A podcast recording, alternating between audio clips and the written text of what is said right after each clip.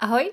Ahoj, já bych vás rád přivítal u našeho podcastu Já na druhou a dneska je to vlastně druhá epizoda druhé série a ještě taky shodou okolností je to vlastně druhý díl dvojdílu, takže dneska je to hodně o takových dvojkách, tak eh, nás to pobavilo a chtěli jsme se o to s váma podělit. A každopádně dnešní epizoda se teda jmenuje Aby se člověk mohl najít, tak se občas musí nejdřív ztratit. A už brzo teda se dozvíte, o čem ta epizoda bude jako pořádně, ale jenom takhle na úvod teda bych chtěl ještě zdůraznit to, že je to druhá epizoda, je to dvojdíl a aby vám to dávalo smysl, tak je určitě důležitý si poslechnout tu předchozí epizodu, která teda nese název Vypadni, neodcházej. Takže teď vypadněte a běžte si poslechnout tu epizodu, aby vám to všechno dávalo smysl a hezky se to propojilo. A samozřejmě pokud eh, nebudete chtít, tak vás nemůžeme přinutit a určitě si můžete tuhle tu epizodu poslechnout i samostatně, ale v kontextu toho, o čem dneska budeme mluvit, je docela důležitý si vyslechnout i to z té předchozí epizody. Minimálně to potom dává vlastně hezky ten kontrast toho, co se nám podařilo vlastně docílit a co jsme jako vlastně dokázali díky metodě, o které dneska budeme mluvit. A určitě teda připomeneme, že v minulé epizodě jsme teda se bavili o hraniční poruše osobnosti, kterou teda Linda trpěla v minulosti a poznamenalo to určitým způsobem i náš vztah, nebo i tím, že jsme v tom vlastně jako byli oba dva. Já teda z té strany toho, kdo žije s tím, kdo má hraniční poruchu a dneska teda budeme mluvit o tom, jak se ta hraniční porucha vlastně pomaličku vytratila. Budeme mluvit o celém tom procesu, o všem, co k tomu bylo důležitý a jdeme asi pomaličku na to, no. Tak a než se vrhneme do toho, jak to fakt jako všechno bylo a co, jak se nám vlastně podařilo s tou hraničkou zvládnout, tak eh, my bychom na vás měli ještě teda jednou prozbu, abyste i k tomuhle dílu přistupovali s otevřeným srdcem a otevřenou myslí. A opravdu to brali jako náš příběh, naše zkušenosti, naše prožitky a ty věci, o kterých tady budeme mluvit, eh, pomohly nám a přestože ta metoda, o které budeme mluvit, je pro v dnešní době ještě pro spoustu lidí vlastně jakoby na hraně, pro některý možná i za hranou, ale nám to prostě pomohlo. A pomohlo nám to do takové míry, že jsem se té hraničky fakt zbavila.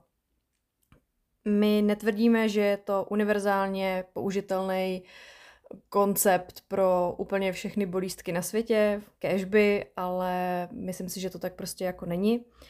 Nám to takhle fungovalo, pomohlo a to neznamená, že to bude fungovat uh, dalším lidem.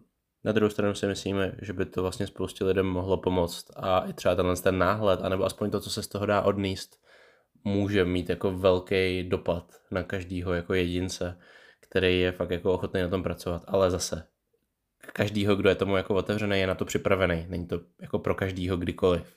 To, co je fajn ještě si říct, je vlastně metoda, o které se tady budeme bavit, tak je eh, čím dál tím jakoby známější, čím dál tím více o ní povídá a že vlastně v dnešní době i určitá část vědecké obce už tuto metodu začíná jako otevírat, prověřovat, pořádně dělají výzkumy, studie a ty výsledky zatím ukazují obrovský léčebný potenciály.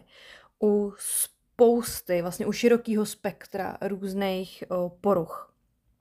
A my jsme strašně rádi, že se tyhle ty věci jako uh, ukazují, že se o nich mluví, že se o nich natáčejí filmy, že jsou o nich přednášky, uh, že se o nich píše, protože ty výsledky jsou skvělý to, kde jsou ty výsledky úplně jako nejlepší prakticky, jako v tom tou hodnotou, je to, že to dokáže pomoct i lidem, kteří jsou nějakým způsobem uh, farmakorezistentní. To znamená u lidí, u kterých normální klasický farmaka prostě nemají vůbec žádný účinky. Prostě na to nejsou žádný prášky, které by jim pomohly.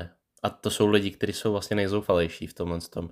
A právě na ty, tato metoda často funguje velice dobře a ty čísla, které vlastně jako ukazují zlepšení, jsou jako fakt neuvěřitelný a bombový. A my jsme se o tom už zmiňovali vlastně v jednom z těch předchozích podcastů, takže kdo dával pozor, tak uh, už vlastně o tom tom slyšel. Byl to právě případ uh, válečných veteránů. Jo, tam jsme se o tom bavili, o tom, po té válce ve Větnamu, jak mm-hmm. potom tam s nima pracovali. A o PTSD. PTSDčko, přesně tak. Tak a my už se pomalu dostáváme k tomu jádru pudla, jak se říká. A jenom bychom ještě rádi jako zopakovali, že nikoho nenabádáme eh, k tomu, aby jakýkoliv psychický nebo i jiný problémy řešil tímhle způsobem.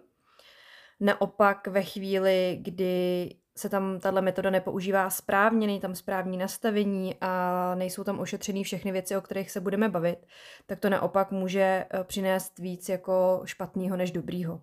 Tak eh, je důležitý se nad tím fakt jako zamyslet a vzít to celistně, nevytrhnout z toho prostě jenom ten kousek, protože tak to nefunguje. Je to takový pucle, který když dobře nastavíte a zacvaknete ty dílky do sebe, tak má obrovský potenciál pomáhat. My jsme tuhle tu metodu použili, pracovali jsme s ní na vlastní zodpovědnost, s plným vědomím si všech rizik a možných případných následků. Velká část naší energie uh, padla na to, že jsme hodně si ty věci pročítali, připravovali jsme se na to, studovali jsme na to spoustu jako právě mm, studií a různých jako materiálů, který o tom nějakým způsobem pojednávají. Zvědomovali jsme si potenciální rizika, dopady a všechny možné věci, které jsou s tím prostě spojený. A O čem je teda vlastně řeč, Matěj, celou dobu?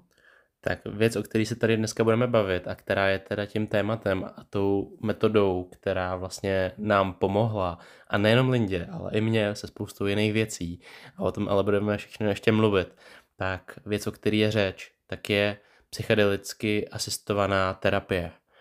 Ano, psychedelicky asistovaná terapie. To znamená uh, terapie, kde se pracuje se zmíněnýma stavama vědomí. A my doufáme, že jste nás v tu chvíli neodsoudili, protože věříme, že spousta lidí k tomu tomu má přesně ten jako zkreslený pohled a vidí to jako, že všechny drogy jsou stejný. Ale pokud teda zůstanete ještě chvilku s náma a poslechnete si, co a proč a vlastně jak uh, to všechno jako obnáší. Jak to tak, funguje hmm. vůbec prostě na jakém principu, protože spousta lidí nemá představu. Hmm, tak eh, věřím, že si můžete jako leco zvodníst, ať už vlastně s tím budete souhlasit nebo nebudete. Takže poslouchejte dál a za chviličku si k tomu řekneme něco dalšího. My nenabádáme nikoho k užívání psychoaktivních látek, ale chceme vlastně sdílet eh, tu naší vlastní zkušenost eh, a jak nám vlastně ty psychoaktivní látky pomohly v tom řešit nejenom tu hraniční poruchu, ale se spoustou dalších věcí. My jsme tuhle psychedelicky asistovanou terapii prováděli v našem případě v domácím prostředí bez zapojení nějakého vystudovaného odborníka. Což uh, věřím, že pro spoustu lidí uh, je velký no-go, ale když se na to podíváme jako z historického hlediska, do kterého se za chvilku jako pustíme, tak eh, na většinu jako léčebných procesů a i léků se přišlo tím, že prostě někdo šel, skočil a zkusil to. No a my jsme tak nějak zkusili. Skočili. Skočili. A obzvlášť po těch vlastně negativních zážitcích Lindy s odborníkama v úzovkách, když samozřejmě víme, že není jako v pohodě házet všechny do jednoho pytle, tak tohle to byla vlastně jako první věc, která už jako vlastně po prvním tohle tom v uvozovkách tripu, protože nikdy jsme to neměli jako legraci nebo nějakou zábavu, ale fakt jsme jako šli pro nějaký jako léčebný postupy, pro sebeobjevování té duše a pro to hojení té duše. A opravdu jako po prvním zážitku tohohle typu se vlastně začaly projevovat pozitivní efekty. Ale nejdřív, než se pustíme do toho, jak jsme to měli my, tak by bylo dobré tady uh, říct trošku něco právě jako obecně k pojetí té psychedelicky asistované terapii, nebo ty psychedelika v terapii a vůbec jako v možnosti rozvíjet a měnit tu naši lidskou mysl. Hmm, a vlastně taková jako stručná historie těch psychedelik. A co to vlastně je, protože spousta lidí s tím vlastně nemá žádnou zkušenost. Jo, někdo o tom jako slyšel, jako že někde na party si někdo něco lupne do pití, ale to není úplně ten stejný kontext, o kterém my dneska budeme mluvit. A vlastně i si jako řekneme, jaký je rozdíl mezi drogama a drogama. To, co je vlastně docela zajímavé, je, že poslední dobou, eh, za poslední roky se hodně rozmohla i mezi lidma, který vlastně vůbec nepracují nějak jako následně nebo vnitřně se svým já, nějaký jako zkoušení ayahuasky a takového jako turismu za tím sebepoznáním. A my bychom byli strašně neradi, aby eh, to jak působilo, nebo to zapadlo, něco jako, že hele, teďka je to trend, tak to jdem taky vyzkoušet. Eh, já znám pár lidí, kteří na takovémhle zážitku byli a oni mají pocit, že objevili svět, ale mají to pocit chvilku po tom, co na té ayahuasce byli. Ale potom, jak s tím nepracujou, jak tam nejsou ty správní postupy, o kterých se budeme bavit, tak to mnohdy je schopný je prostě kopnout potom do míst, kde tím úplně není dobře. A my bychom byli rádi, aby tady zazněly celostní vlastně postupy. A nejdřív se podíváme teda do historie, my potom na to vlastně navážeme tím svým jako příběhem a těma našima zkušenostmi. Tak, uh, ta historie je v tomhle tom ohledu dost jako zajímavá. My to tak jako prolítneme. To mi se dalo samozřejmě mluvit jako hodiny a dopodrobna a jsou o tom napsané i skvělé knížky, které určitě potom můžeme doporučit, kdybyste chtěli něco málo. Uh, každopádně, vlastně když se podíváme jako na lidstvo a psychedelika nebo psychoaktivní rostliny, tak je to věc, která je tady vlastně jako tisíce let. Jo? Jsou vlastně jako známý, dochovaný záznamy toho, jak vlastně různý kmeny užívali psychoaktivní rostliny k nějakému léčitelství. Dost často to byli šamani, druidi, nějaký jako čarodějnictví, což samozřejmě jako může znít hrozně ezo a hrozně ezotericky, ale oni opravdu mnohý kmeny to do dneška jako užívají právě v kontextu nějakého jako léčení, v kontextu nějakého otevírání a vlastně jako taký psychologie, která sice není úplně konvenční podle toho našeho západního systému, ale skutečně vlastně jako když se objeví někdo, kdo má nějaký problém, tak ten čaman s ním, že jo, jako pozře nějakou tu psychoaktivní rostlinu houbu a vlastně jako vydává se s ním do toho jeho podvědomí a tam ho jako očišťuje. A my vlastně máme tyhle ty důkazy o tom, že se to vlastně dělo v podstatě jako od té doby, co máme důkazy o tom, že se jako dělo něco kulturního a různý jako výjevy a malby jsou už vlastně jako na starých jeskyních malbách, kde prostě jako šamani, který očividně mají na sobě nějaký eh, jako zvířecí části, podávají jako houby jako lidem, takže očividně to byly zážitky, které ty lidi potřebovali i zachytit. Už to pro ně mělo nějaký jako hluboký přesah a potřebovali to prostě jako zvětšnit. Z hlediska tohohle z toho, to, že existují nějaké rostliny, které teda mají nějaký tyhle ty psychoaktivní účinky, tak víme teda dlouho.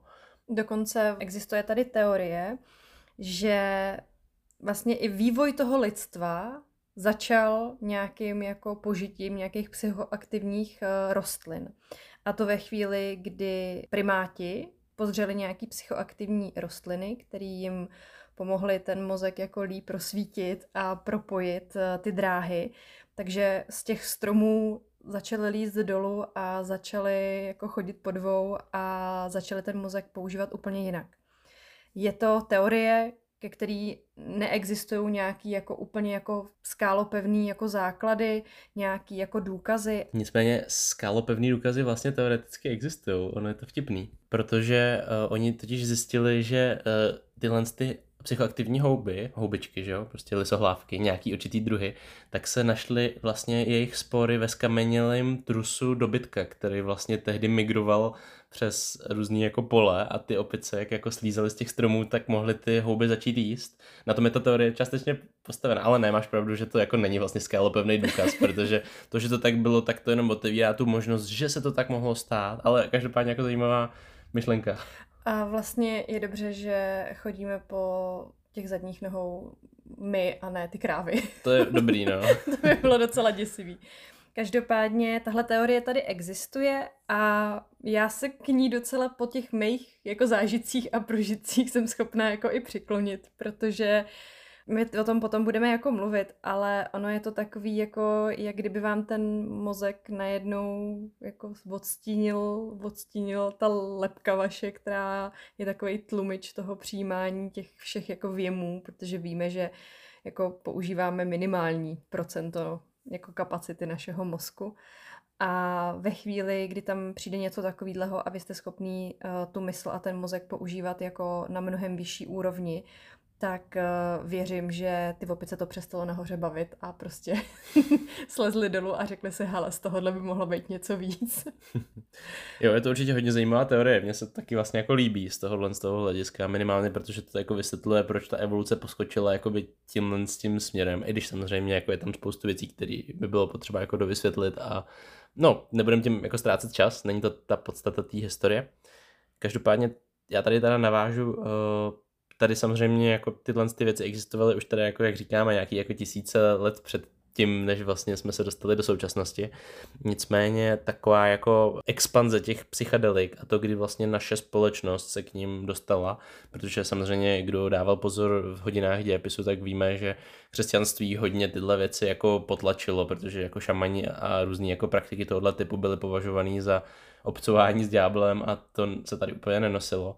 Takže tady tyhle ty věci jako na hodně dlouhou dobu jako zmizely, přestože se pravděpodobně jako děli v nějakých kruzích, jo, přes nějaký ty čarodějnice a jako lidi, kteří uznávali různý jako uh, pohanský božstva a podobné věci, tak ty to dost pravděpodobně jako jeli někde v tajnostech.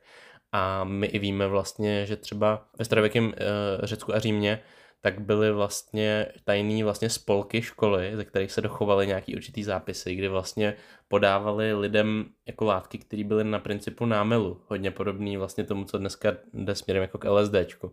A pravděpodobně si tam jako odnášeli nějaký docela zajímavý jako zážitky a prošlo tam tudy vlastně spousta filozofů, který vlastně dneska hodně používáme jako k, vlastně ke všemu, co jako používáme z hlediska nějakého jako nějakých jako znalostí, jako Sokrates, Pythagoras, fakt jako velký jména.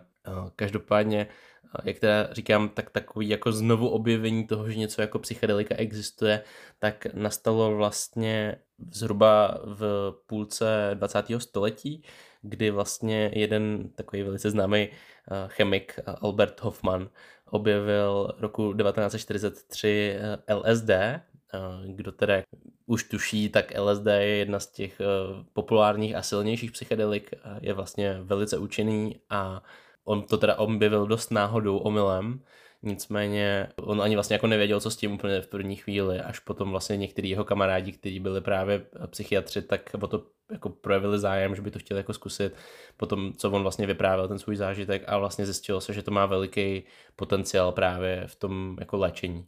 Nicméně ty psychedelika v tu chvíli že zažili fakt jako velký boom, obzvlášť právě třeba v Americe. A tady zase, kdo už si jako pamatuje z historie, tak eh, jedna z věcí, která to hodně jako proflákla, tak byly právě hippies.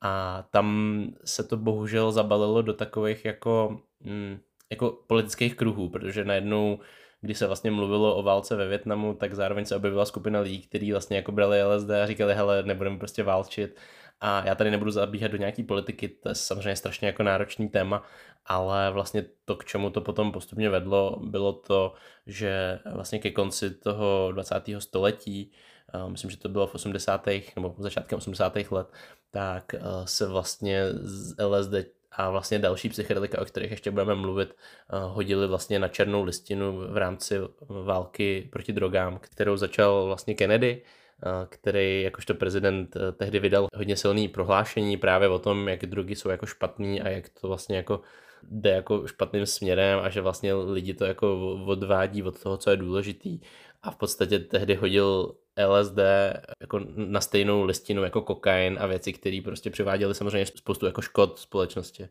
Jo, začaly se uh, ve zprávách ukazovat prostě zprávy o tom, jak lidi páchají sebevraždy. Hm, skáčou z okna. Skáčou z okna, jak prostě to má strašný dopad na všechno.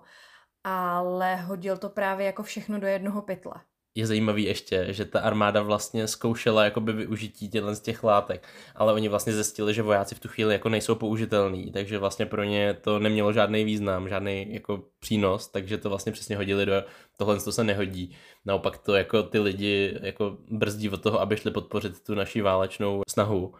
A tak to prostě, jako asi tam bylo víc vlivů, jo, říkám, já do toho nebudu úplně zacházet, ale měl šanci to podle mě aspoň udělat jako velkou změnu ve společnosti a e, bohužel to prostě odešlo i jako směrem psychologie, psychoterapie a psychiatrie, která prostě neměla šanci vlastně ty látky proskoumat dostatečně na to, aby se to jako udrželo a neměli dostatek těch studií a důkazů, aby to vlastně jako udrželi a dost možná to ani ta vláda v tu chvíli jako vědět nechtěla. No tam ty psychoaktivní látky mají jako velký potenciál v té terapii a už se to vlastně vědělo v té době, ale díky téhle černé listině, kam se tyhle ty psychoaktivní látky dostaly, tak eh, většina lidí s tím jako přestala chtít mít cokoliv jako dočinění. Byly určitý fragmenty uh, nějakých psychologů, psychiatrů, psychoterapeutů, který to neopustili i tak a i přes zákaz vlastně dělali pokusy a snažili se to nějakým způsobem studovat. Hlavně na sobě a na svých blízkých, na přátelích, kteří s tím jako souhlasili a i z té doby jsou dochované nějaké jako dokumenty, věci a ty výsledky jsou jako skvělý. Ale kdykoliv se snažili nějakým způsobem jako o tom mluvit nebo mm, jako přivést k tomu zase zpátky tu pozornost, že by asi bylo dobrý se zamyslet nad tím, kam tyhle látky opravdu jako patřej, i vlastně z té podstaty, co vlastně dělají a na jakým principu fungují, tak to bylo smetený ze stolu. A proč, to je otázka samozřejmě. Já mám takový pocit, ale že tady úplně v pohodě si můžem říct, že spousta věcí na tomhle světě funguje na tom, aby z toho bylo co nejvíc peněz, jako co nejvíc jako hloupých lidí, kteří můžou pracovat pro těch, co chtějí ty peníze mít. A jedna z teorií je vlastně to, že vlády se vlastně dohodly, že tohle jsou věci, které jsou nebezpečné proto, protože by ty lidi mohli začít přemýšlet ve velkým sami za sebe. Počkej, to nejde přece, aby lidi přemýšleli sami za sebe. Jako sice tady budeme znít trošku jako konspirační teoretici, ale jako něco na tom je. No. A právě jedna ta teorie se opírá o to, že ty látky se dostaly prostě mezi zakázaný proto, aby ten rozvoj té lidské mysli nebyl uh, tak rychlej a dalo se na tom ještě nějakou dobu vydělávat. Ale jak to opravdu bylo, to úplně prostě jako vědět nemůžeme. Hmm, to ne, ale jako nějaký pocity z toho jako máme a kdokoliv se do toho jako podívá, tak si asi udělá nějaký obrázek, co asi byly ty důvody, proč se to teda stoplo. Nicméně, jak říkáme, eh, bohužel i ty jako klinické testy, které už jako v té době nějakým způsobem začaly probíhat, tak vlastně šly všechny ke dnu. A díky bohu za ty lidi, kteří šli do undergroundu a fakt to jako zkoušeli i přes ten zákaz, i přes tu ilegální složku protože jako v tuhle chvíli to bylo vážně jako nerozumný to zakázat a bylo vlastně nerozumný to nějakým způsobem jako omezovat. To, co je na těch psychoaktivních látkách uh, vlastně tak jako super, ten potenciál na tu práci s tou naší myslí, oni mění to naše vnímání, mění nálady a ovlivňují velké množství kognitivních funkcí. A nejsou návykový a jsou považovány za uh, psychologicky relativně vlastně bezpečné látky. A to jsme si nevymysleli, prosím. To jsme vás. si nevymysleli, to jsou prostě jako jasně dané definice psychoaktivních látek. To, v čem je jejich kouzlo, je, že oni vlastně odemykají ten přístup k tomu našemu podvědomí, ke kterému my nemáme většinově vůbec jako možnost se dostat. A když se podíváte na to, z kolika procent my jako fungujeme za celý svůj den na bázi svýho vědomí, tak jsou to nějaký 2,5 procenta. Všechno ostatní je podvědomí. A to je jako obrovský, to je, to je jak ledovec, ale jako mega obrovský ledovec, kdy nahoře prostě vidíte kosku ledu. A ten obrovský masiv pod tím prostě nemáme šanci vidět, nemáme šanci s ním pořádně pracovat. A teď si vemte, že máte jako klíč k tomu, se tam podívat, co je tam jako všechno zahrabaný, co je tam všechno jako naschromážděný, co vás vlastně nutí k určitým druhům chování, myšlenek, pocitů a rozpoložení. Emočních programů a všech těchto věcí, o kterých mluvíme z hlediska coachingu. A teď jako máte k tomu přístup a můžete s tím jako nejenom se na to koukat, ale vy s tím můžete začít pracovat. To je jako skvělý potenciál. Mezi ty jakoby psychoaktivní látky, o kterých my se tady bavíme, patří, jak už tady padlo, LSD, Patří tam uh, psilocybin, který vy znáte určitě jako hele, houbičky. Lisohlávky, aby bylo Lisohlávky. Jasno, většina druhů lisohlávek obsahuje psilocybin, ale ještě jsou i další, který ten psilocybin taky obsahují, ale třeba i v menších množstvích. U nás jsou to hlavně lisohlávky. Další, co tady je dobrý ještě zmínit, tak je, je DMT, vlastně 5-MeO DMT, což je vlastně nejsilnější psychedelikum známý eh, člověku. To jsou takový ty žáby, který prej olizují ty lidi v té Americe, přestože se to prosím vás jakoby nemá olizovat, ale je to prej určený ke kouření. Jo, jako nevolizujte žáby, uh, ta žába se jmenuje Bufo alvarius Ale já jsem teďka nedávno četla článek, který mě docela pobavil a fakt se tam nějaký zástupci nějakého národního parku dožadovali toho, aby turisti nechodili a nevolizovali ty žáby, které tam jsou v tom parku.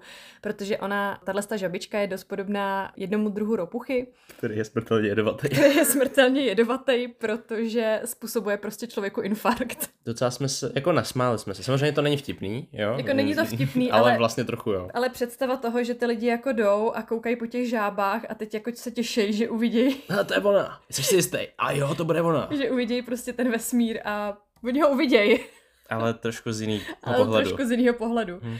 Ale každopádně prosím nás nevolizujte ty žáby. Pak je to teda ayahuasca, ta už tady byla zmíněna, to je vlastně psychoaktivní nápoj, který právě přímo připravují šamani, většinou teda. Samozřejmě, že ho může uvařit jako kdokoliv jiný, ale dělají to šamani a jsou to ty zážitky, za kterými se jezdí. Je to vlastně vyvařený ze dvou rostlin, konkrétně z jedné takové liány a ještě z kořené jako jiný rostliny. A je to právě na principu toho DMT, ale ještě vlastně to DMT trvá jenom chviličku, tohle to trvá jako delší dobu a jsou tam právě hodně takový ty vize a takový to, co by člověk měl jako dál udělat, co potřebuje k tomu, aby se uzdravil. To se teď hodně rozmohlo, možná jste o tom slyšeli. Potom do toho patří ještě peotl, to je vlastně psychoaktivní kaktus a vlastně rodina kaktusů, která má v sobě tady tyhle ty látky. Potom, co ještě hodně stojí za zmínění, tak je MDMA, což je vlastně extáze, přestože vlastně většina lidí to zná jako to, co se dá na té party do toho pití a pak to člověk cítí jako lásku a všechno, tak uh, ono to není jako psychedelikum úplně v pravém slova smyslu, ale začalo se to tam řadit do té kategorie teď vlastně relativně nedávno a je to právě jedna z těch věcí, na které ty uh, asistované terapie dokonce jako akreditovaný už začínají být, dokonce i u nás existuje jakoby způsob, jak se k tomu dostat. A tam se zjistilo, že i ta extáze vlastně ve správném nastavení se právě s tím terapeutem dokáže právě otevírat traumata a vlastně čistit je úplně jako neuvěřitelným způsobem. Potom je tam třeba ještě za zmínku určitě zajímavý ketamin, který taky zase není to úplně jakoby v pravém slova smyslu psychedelikum, ale taky má to právě jako tyhle ty psychedelické účinky. Jo, tam ještě mám potřebu jenom jako doplnit, to vlastně Linda jako popisovala tu definici toho psychedelika, ale vlastně od těch jiných drog se to fakt jako liší tím, co se s tím dá docílit. Dá, ale nemusí. To je to důležitý. Jo, protože ketamin a, nebo MDMA se na party jako dá sehnat a určitě vás to jako nevylečí od ničeho. A, ale když to používáte v tom správném nastavení, tak to tak může být.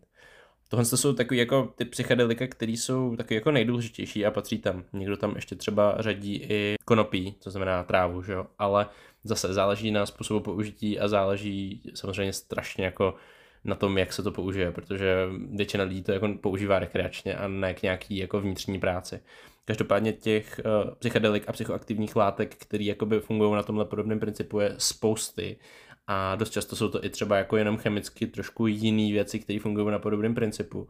Ale takový jako nejznámější a nejpoužívanější jsou právě tady tyhle ty uvedený v tuhle tu chvíli. Na světě jsou země, kde už tyhle ty asistované terapie s tou nějakou psychoaktivní látkou uh, už jsou uznávaná metoda a jsou naprosto vlastně běžný. Mezi ty země se řadí třeba Austrálie a Nový Zéland. Ale i tady u nás, možná jste někdy slyšeli o společnosti Psion, což je psychedelická společnost, která se vlastně zabývá těma s těma uh, všema různýma postupama a oni teďka momentálně třeba poskytují uh, ketaminem řízenou vlastně asistovanou terapii. Vlastně Česká psychedelická klinika to zašticuje. My jsme byli na mm, několika jejich jako filmech, přednáškách.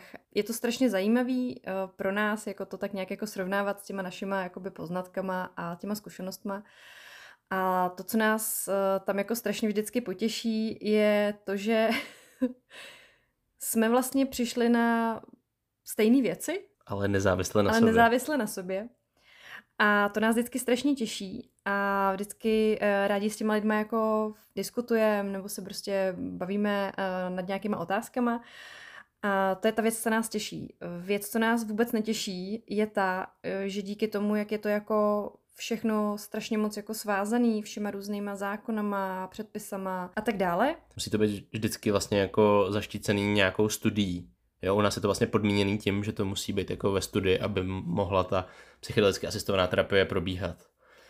A to, co mě třeba přišlo úplně děsivý, co jsme se dozvěděli vlastně nedávno na jedné přednášce, eh, tak my jsme se tam dozvěděli o tom, jaký je ten postup ve chvíli, pokud eh, chcete vlastně být přímým jako účastníkem eh, takovýhle asistované terapie tím ketaminem konkrétně. To, co musíte všechno jako mít za sebou, to, co musíte jako splňovat, je jako neuvěřitelný. Z těch 100% lidí, kteří se prostě tam jako hlásej na to, že by to chtěli, že by to potřebovali. A jsou to stovky účastníků. jsou to stovky účastníků.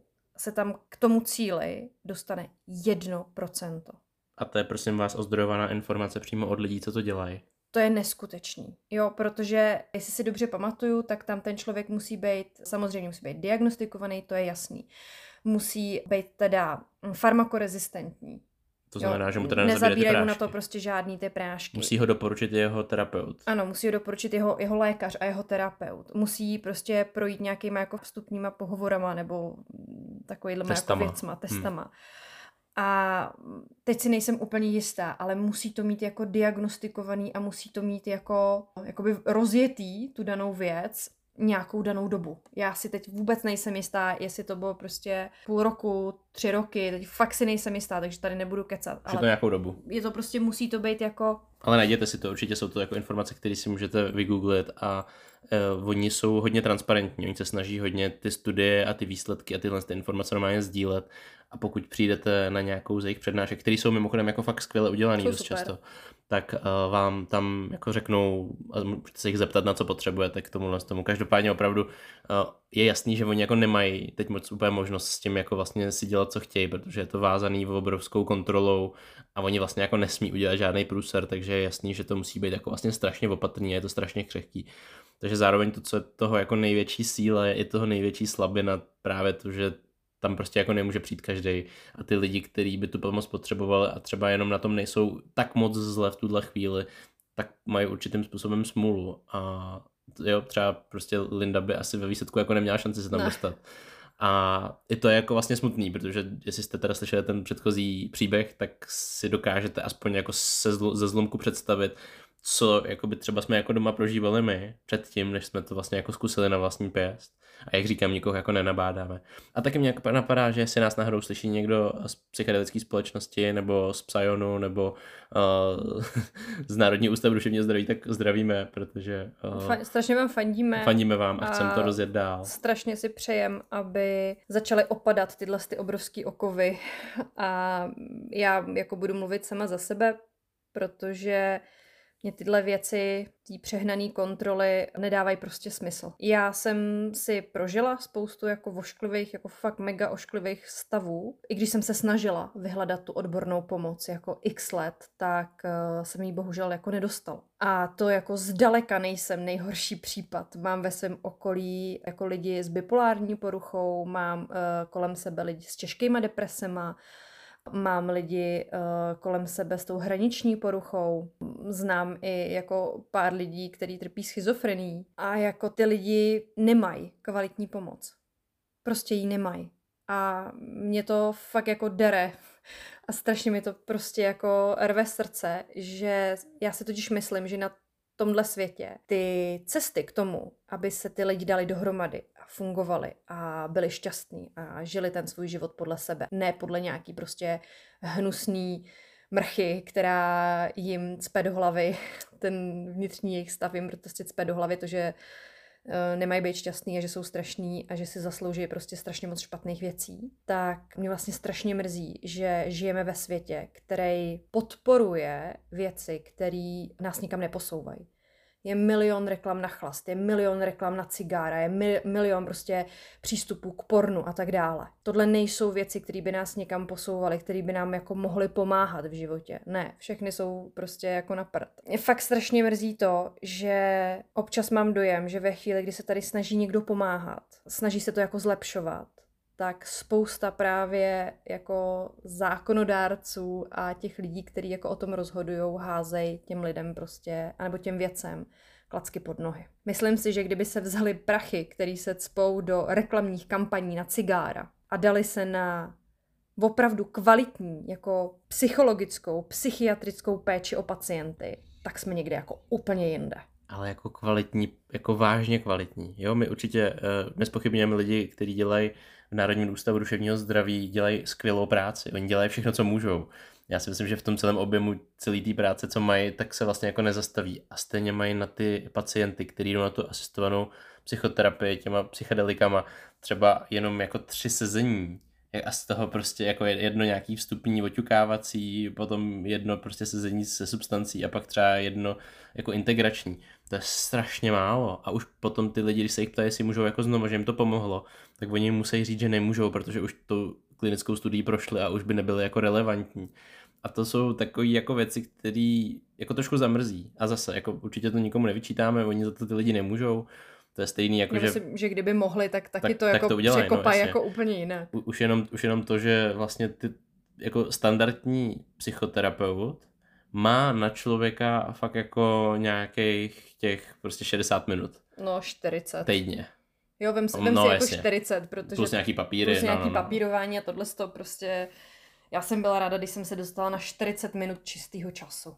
Jo, a jo, to, to, prostě... to vypovídá, v jakým vlastně to je v tuhle chvíli z hlediska té první pomoci stavu, aspoň co se týče té tý psychologické pomoci. Já máme skvělou první pomoc prostě z hlediska jako medicíny. Jako urgentní, prostě ve chvíli, kdy projdete prostě bouračkou, tak jako chcete být jako u českých doktorů, protože uh, tohle je fakt jako skvělý ale na tomhle druhém bude muset určitě zamakat. Jo, uvědomte si, že ve chvíli, kdy prostě vás srazí vlak, tak pro vás letí vrtulník takhle moc jako důležitý váš život je z hlediska jako medicínského. Ale ve chvíli, kdy si chcete sáhnout na život, tak už to tak slavný není, protože vlastně máte dost často štěstí, jestli se dostanete vůbec do těch bohnic nebo do nějakého jiného zařízení, který je zrovna blízko u vás. Takový nejčastější. Když se bavíme o tom nějakém jako psychickém zdraví, tak ty bohnice jsou jako nejvíc jako profláklý. Takže samozřejmě jakýkoliv jako další jiný jako centrum. Každopádně mm, já jsem vlastně strašně ráda, že Psion je v tomhle tak otevřený. Píšou články, nahrávají podcasty s lidma, teďka se strašně jako rozmohly nějaké jako přednášky, filmy, fakt jako podporujou i další jako lidi, kteří se jako v tom oboru pohybujou. A to, co já jsem taky moc ráda, je, že čím dál tím víc jako známých tváří, lidí, kteří jsou vidět, začínají mluvit o tom, jak psychický zdraví je strašně důležitý. Co si budeme povídat, prostě jako západní společnost jsme tohle to strašně zazděli. My jsme se v tom konzumním světě prostě museli trošičku ztratit, aby jsme si mohli vůbec uvědomit, že aby jsme se našli, tak je potřeba prostě opustit tyhle ty staré věci, které nám neslouží, začít prostě dávat tu pozornost na to, co je důležitý a vážně se začít jako zabývat tím, co se v nás děje.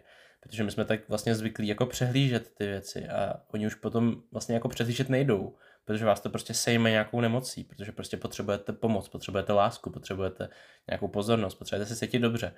A to v tomhle tom světě je strašně těžký. Těžký to je, ale už naštěstí se začne jako objevovat takový ty světýlka eh, na konci tunelu, protože čím dál tím víc lidí začíná přemýšlet nad tím, že možná ta psychosomatika bude mít jako eh, ty základy opravdu jako pravdivý.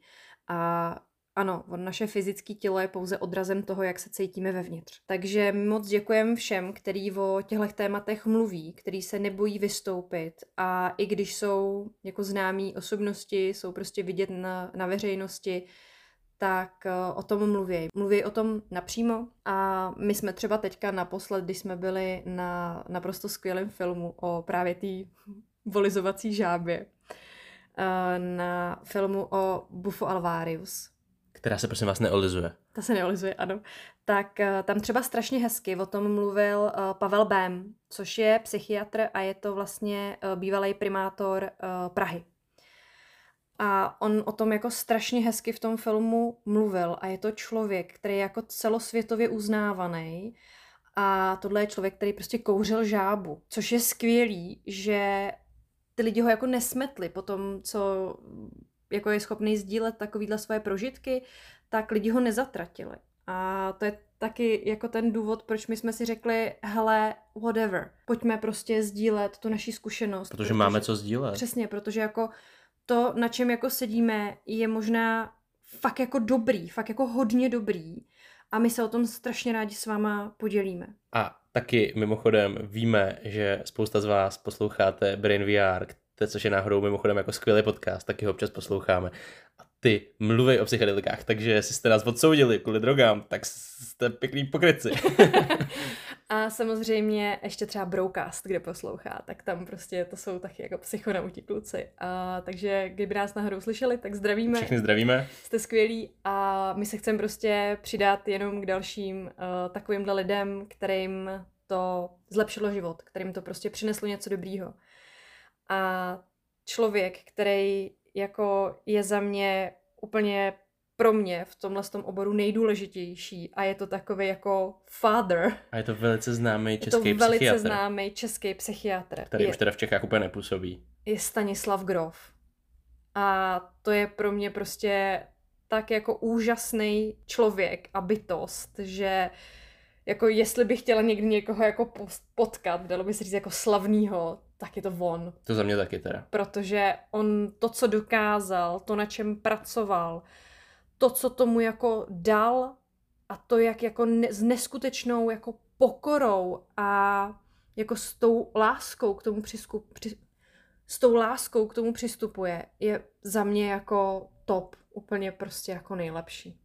Jenom taková jako rychlá stručná historie Stanislava Grofa. On začínal teda jako psychiatr tady u nás v Československu a on, on tam jakože byl tady v Praze na těch jako stážích, když tam přišel jako poprvé a jeho úkol bylo obcházet eh, lidi, kteří potřebovali elektrošoky.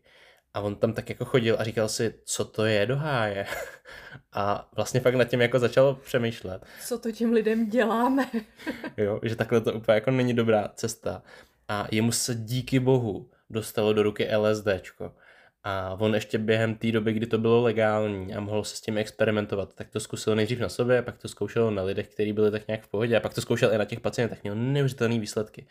Ve chvíli, kdy to zakázali, tak šel underground, dělal to prostě s lidma v tajnosti, odjel právě i jako pryč, aby to mohl dělat. Jo, odjeli na takovou obrovskou farmu Do prostě. SLMu. A tam, tam jako byla banda, banda lidí, kamarádů, vlastně přátel, včetně jeho manželky. Samý jako slavný jména z hlediska nějaký jako i jako spirituální Přesně, sféry, to, to nebyly jako no name, sféry. to nebyly no name lidi, to byly prostě lidi, kteří byli jako uznávaný uh, měli knížky jako napsaný, byli to prostě fakt jako lidi, o kterých se jako vědělo. Protočil jsem tam mimochodem i některý jako celebrity jako z Ameriky, který mm-hmm. pak vlastně jako založili vlastní společnosti a, a jako fakt zajímavé věci, určitě jako si to vyhledejte, nebo si můžete přečíst jeho knížku Cesta psychonauta, je rozdělená do dvou dílů, my tady teď doma máme. Jo, jo a tam se jako dozvíte podrobnosti toho, co se tam jako dělo. Každopádně... Chtěla bych být moucha no, na, na stěně, když se tam tyhle věci děly, mm-hmm. protože tam podle mě prostě se děly oprav, jako opravdu se nebojím říct jako zázraky, protože to, jaký oni tam měli výsledky s těma, s těma lidma, byly jako za mě úplně neskutečné. Stana vlastně štvalo to, že se to vlastně jako uzákonilo, že je to teda špatný používat ty psychedelika. A tak vlastně se svojí ženou vymysleli metodu, která vlastně umožňuje vstoupit do změněného stavu bez toho, aniž byste museli vzít nějaký psychedelika.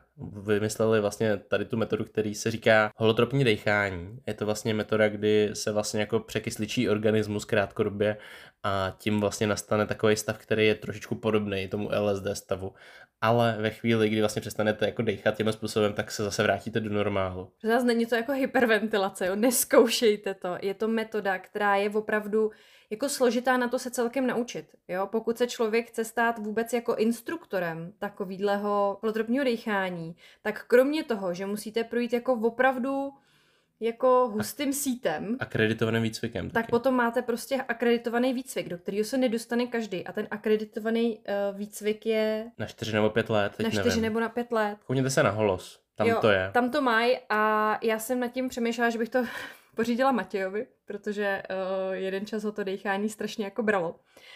A možná to třeba časem jako klapne. Ale my sami teda s holotropním decháním nemáme zatím, zatím ne, žádnou zkušenost. ale určitě se na ní chystáme. Ale určitě se chystáme, protože na ten jakoby kurz, kam jako můžete jít, jako si to vyzkoušet, eh, se dostanete.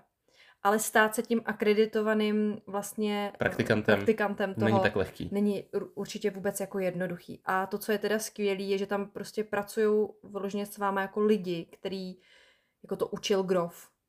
Nebo minimálně ty lidi, je mu nejbližší. Jo, takže tam to ne, jo, je to furt ještě dost úzký jako výběr, no. výběr těch lidí, jo, jo. který to jako učej, takže za nás určitě věc, kterou chceme vyzkoušet. Hmm. Takže každopádně děkujeme eh, Stanovi Grofovi za to, co všechno udělal pro svět psychoterapie, psycho, psychologie, psychiatrie, terapie a vlastně jako i psychedelik, protože na jeho ramenou stojí spousta velikánů a věříme, že jeho práce ještě bude mít jako obrovský dopad na tu současnou generaci. My vlastně máme taky štěstí, protože teď se to všechno začíná zase povolovat a ty výzkumy se vlastně začínají objevovat a přesně to, že už jsou státy, ve kterých je ta asistovaná psychoterapie, psychedeliky eh, jako legální, anebo se dá v nějakém omezeném množství podnikat, je strašně skvělý. A vlastně se dostáváme vážně jako do bodu, kdy tady opravdu jako prožíváme renesanci psychedelik.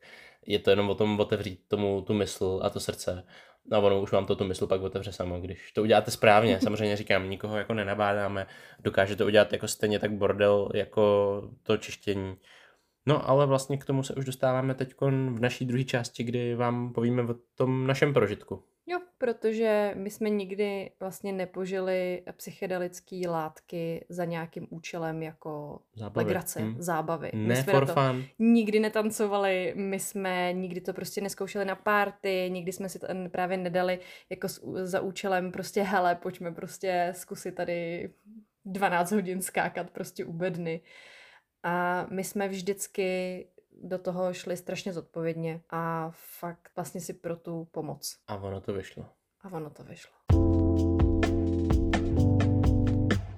Tak a teď jsme teda u části, jak jsme se vůbec k tomu jako dostali, eh, jak nám to pomohlo. A myslím si, že tady je na čase, aby si jako začal eh, vyprávět nejdřív ty. Určitě. Tak jo, já jsem byl ten, kdo to vlastně dones. jo, dones to Matěj. No, já bych jenom chtěl tady jakoby zmínit, že užívat psychedelika není nelegální. Nelegální je držet, takže když vám je někdo dá rovnou do pusy, tak jste jakoby v pohodě. Ne, dobře, to byl vtip samozřejmě. Jak říkám, ta legální složka tohohle z toho je taková ošemetná. Musíte prostě vědět, že to nese riziko. A já jsem se k psychedelikům dostal ještě předtím, než jsem Lindu poznal. A za mě to v té době nebylo o nějakém jako přímo léčení, to bych jako kecal, protože já jsem si myslel, že jsem naprosto v pohodě ve všech ohledech, což jak se později ukázalo jako na nějaký seberozvojový rovině práci a i třeba těch psychedelikách nebyla úplně pravda. Spíš to byla nějaká maska, kterou jsem potřeboval si nejdřív jako rozbít, abych si mohl uzdravit ty věci, o kterých jsem nevěděl, ale to jdu až moc do podrobna. Každopádně já jsem psychedelika poprvé a po druhý a po třetí a asi po čtvrtý, předtím, než jsem ještě jakoby teda poznal Lindu, užil s tím, že jsem vlastně hledal sám sebe.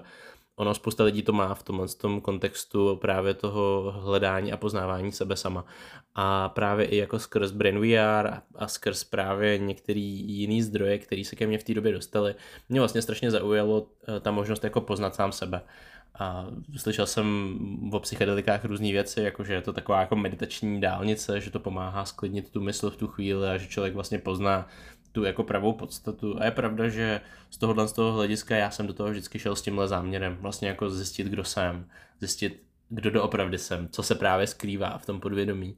A vlastně musím říct, že vlastně každý ten zážitek, který jsem s tím měl i do té doby, než jsme to začali používat čistě na té terapeutické úrovni, tak opravdu mě to jako obohacovalo a opravdu mi to změnilo pohled na svět. Protože já jsem předtím byl jako nihilista a vlastně říkal jsem si, že svět nemá žádný smysl, ale jsem s tím v pohodě. Ale vlastně po tom, co jsem ty psychedelika vlastně jako začal užívat a teď to nebylo jako žádný pravidelný užívání, ono to fakt bylo jako jednou prostě za pár měsíců jsem si dal bylo to teda LSDčko a pak teda i jako houby, ale bylo to právě o tom, jo, ono to vlastně všechno jako nějak spolu souvisí a je to vlastně super. A začalo mi to měnit jakoby tady ten nihilistický, občas až trošku pesimistický pohled na něco, v čem jsem se vlastně začal cítit líp. No a pak, když jsme se teda dali dohromady s Lindou, uh, ona teda jako věděla, že, že ty psychedelika, jako, že jsem s nima nějakou zkušenost měl. A byla s tím v pohodě, já jsem jí to jako hezky jako prodal, že jo, protože když řeknete někomu, no já beru drogy, tak je to jako takový blbý, ale já to tak jako nikdy nevnímal vlastně. Jako na druhou stranu, kdyby se na mě možná vybalil to takhle, tak já ti řeknu, já mám taky svůj problém. to je pravda, možná by to bylo rychlejší. Ne, to ne. Uh, ne. U mě to nikdy přesně nebylo a jak už tady padlo, psychedelika nejsou návykový. Já jsem k tomu vlastně na začátku přistupovala dost, jak bych to řekla, jako opatrně, protože uh, pro mě to nebylo takový jenom jako, jo, jasně, v pohodě, tak to je dobrý, Matěj, ale hodně mě to zajímalo, hodně jsem se na to vyptávala, protože jsem si říkala, já nechci dalšího jako člověka, který bude takhle jako na něčem jako ujíždět a utíkat. A myslím si, že to byly fakt jako hodiny jako různých jako rozhovorů a um, zjišťování si prostě nějakých věcí a vlastně mě samotnou překvapilo, jakým způsobem ty uh, psychoaktivní látky jako fungujou. A pak tam byly jako myšlenky jako proč mi doprčic nikdo v životě neřekl, že něco takového prostě existuje a že to takhle funguje, protože já jsem se v té době jako pohybovala v takové jako uzavřený krabici, bublině a tyhle věci se ke mně prostě nikdy jako nedostaly, takže já jsem se vlastně o nějakých takových jako způsobech jako možnosti terapie dozvěděla až od eh, Matěje. Hmm. A je pravda, že ve chvíli, kdy teda celá věc s hraničkou nabrala nějaký jako určitý rysy, tak samozřejmě přišlo jako ta myšlenka co kdyby tohle mohla být cesta, jak s tím pracovat. A já nebudu vůbec jako to nějak sugarcoatovat, nebudu to nějak zabalovat, nebudu to nějak jako konejšit, nějak, nějak jako lhát. My jsme na začátku nevěděli, jestli to pomůže. Nevěděli jsme ani, jestli to je jako úplně bezpečný. Jak říkala Linda, měli jsme prostě spoustu hodin jako toho, že jsme zkoumali ty věci, zkoumali jsme, jestli jsou nějaký studie na to, jestli je nějaká zkušenost někoho s tou hraničkou. Obecně ale většina věcí byla jako směrem ne, s hraničkou to není bezpečný. Nikdo by to prostě jako nepodepsal. Ale my jsme čím dál tím víc vlastně po těch záchvatech a potom, co jsme tam prožili, tak jsme vlastně jako nabili dojmu, že tím, že já už jsem s tím měl dostatečnou zkušenost a dokážu to uřídit, tak ve chvíli, kdy začneme fakt jako na malý dávce, na úplně jako minimální prostě bezpečný dávce a budeme s tím pracovat právě jakoby s tím záměrem, budeme tam prostě používat tu integraci a všechny tyhle věci. Dělali jsme si i dokonce prostě nějaký ten bad trip management, tak uh, jsme vlastně jako došli k tomu, že do toho vážně chceme jít, protože to bylo prostě jako co můžeme ztratit vlastně reálně. No a vlastně po tom, co jsme s Matějem tak nějak se o tom jako hodně bavili, spoustu věcí jsme si načetli, tak jsem přišla prostě s nápadem, jestli by byl ochotný to se mnou jako zkusit. No a já jsem řekl, že jo. A tak jsme do toho šli. Tak první krok bychom měli. a teď prostě následovali ty kroky další.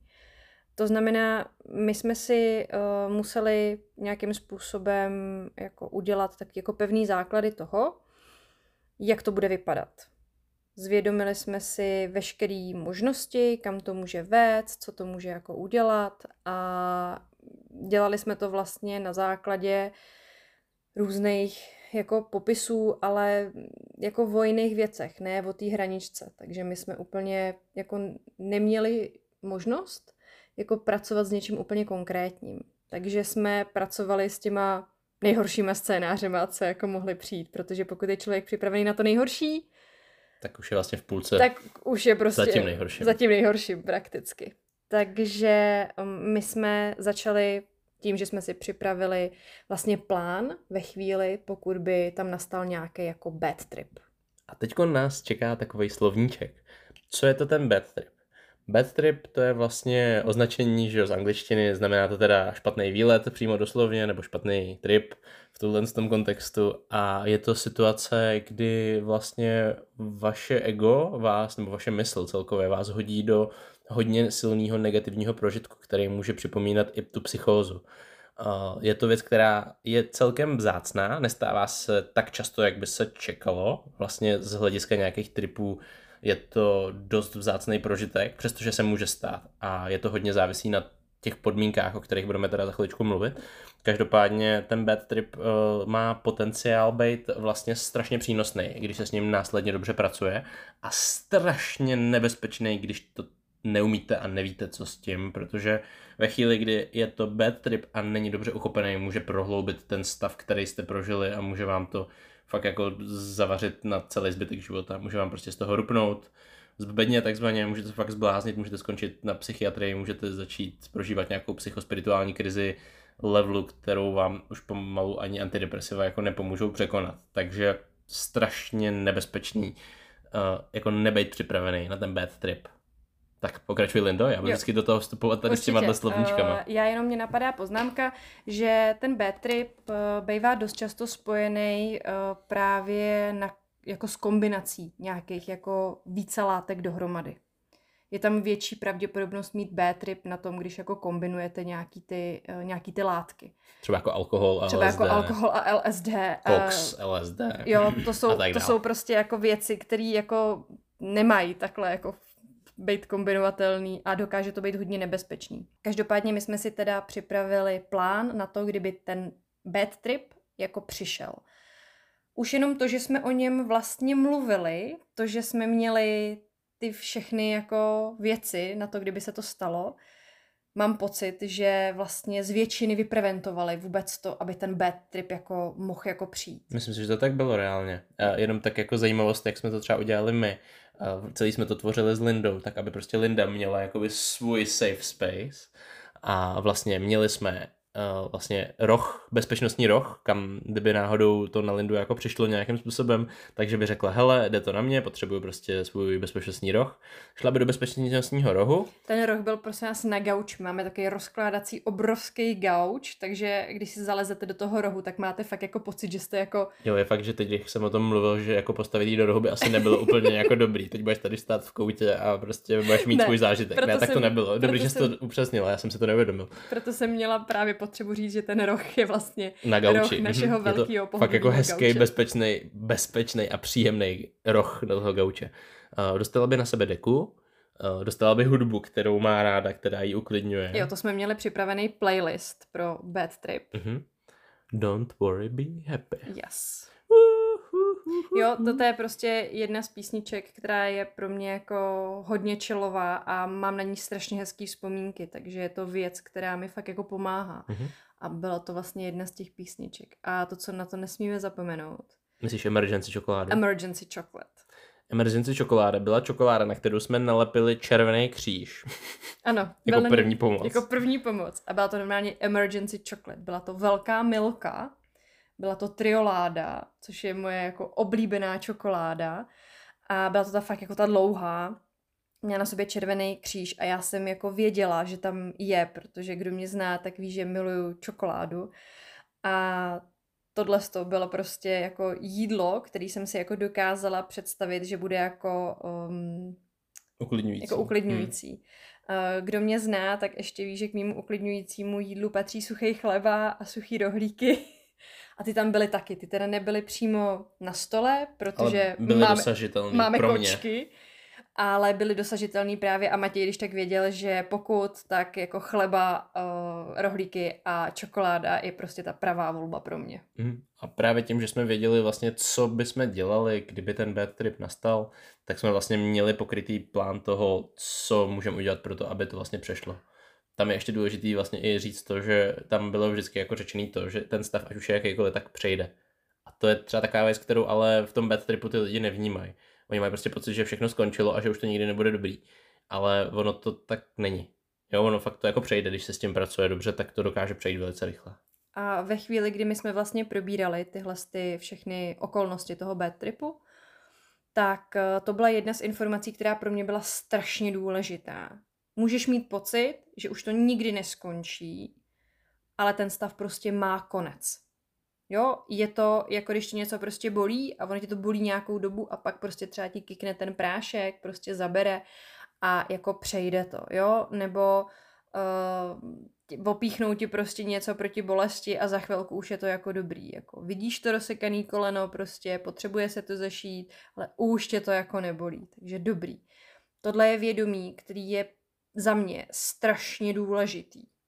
A pro mě bylo dvojnásob důležitý, protože já jsem ten bad trip, když jsem se na něj jako připravovala, tak jsem se ho dost jako připodobňovala těm svým jako stavům na té hraničce.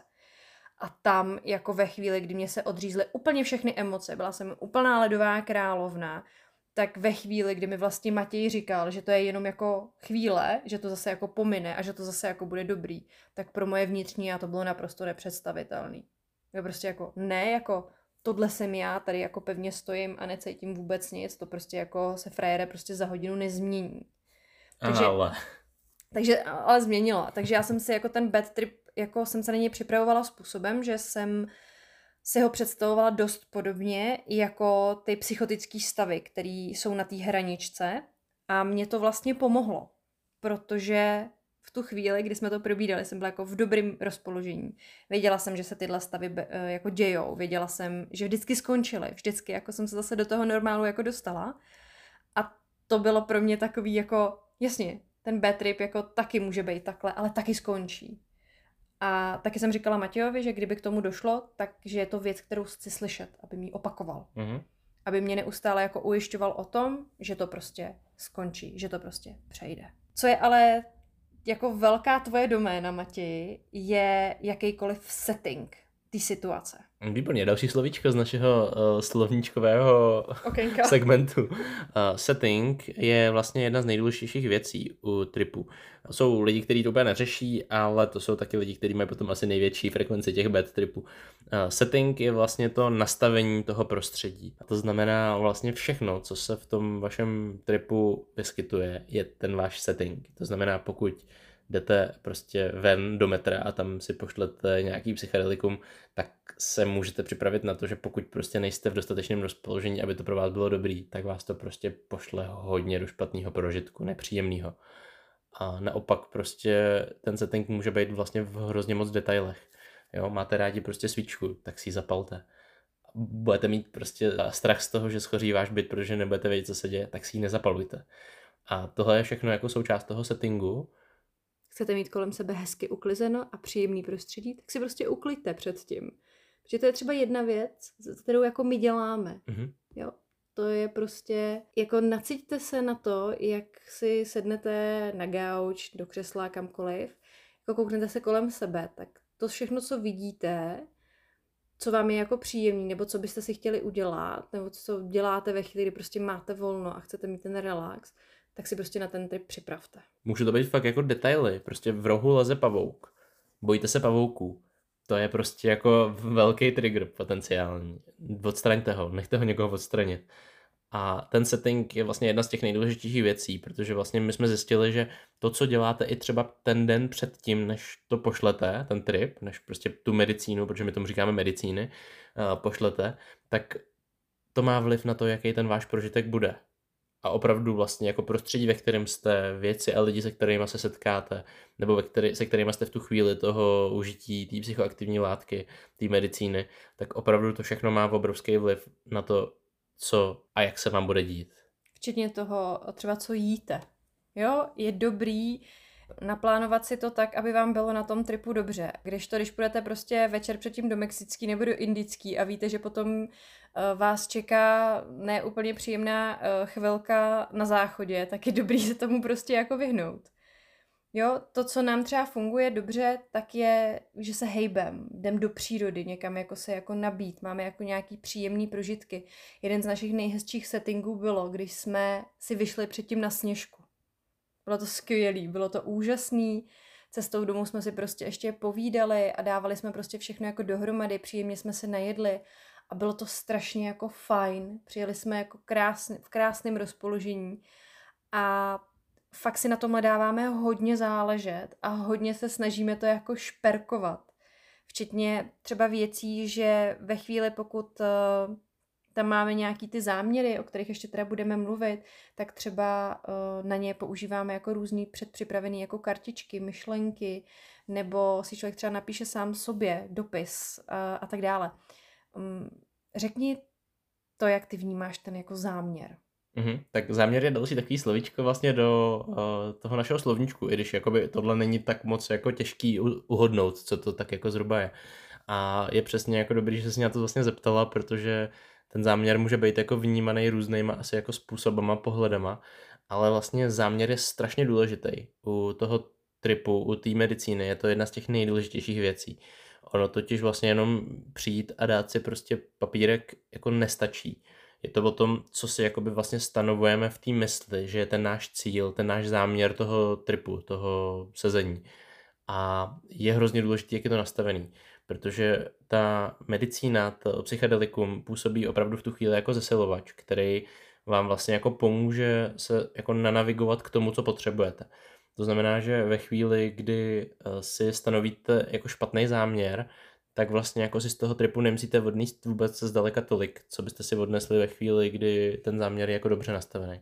Za mě, co hodně funguje u těch záměrů, je, když je to lazený do pozitivního, to znamená, co jako bych chci docílit, než toho, čeho se chci zbavit. Uh, ale určitě to občas jako není na škodu i třeba jako jít po tom zlým, abyste si jako byli vlastně jako schopný zjistit, co je to, co nechcete, jako otočit si to vlastně. Což je taky forma, kterou jsme třeba používali, že jsme si jako napsali vlastně tu neg- v uvozovkách jako negativní nebo tu nezdravou věc, kterou jsme prostě jako ve svém životě jako cítili a na druhou stranu té kartičky jsme si vlastně nadefinovali to, jak bychom to chtěli jako mít jako správně.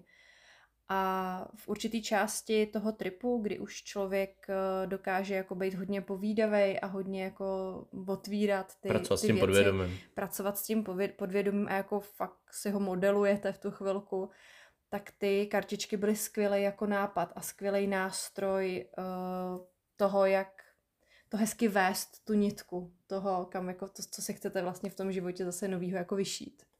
Tady na tom jde strašně moc vidět to, že vlastně ten záměr je klíčový, protože pokud bys vlastně jako psychedelika stačily k tomu, aby se člověk vlastně byl schopný probudit z nějaký iluze svojí nemoci nebo nějakého toxického chování, tak by vlastně všichni lidi, kteří užívají psychedelika, byli vlastně probuzený.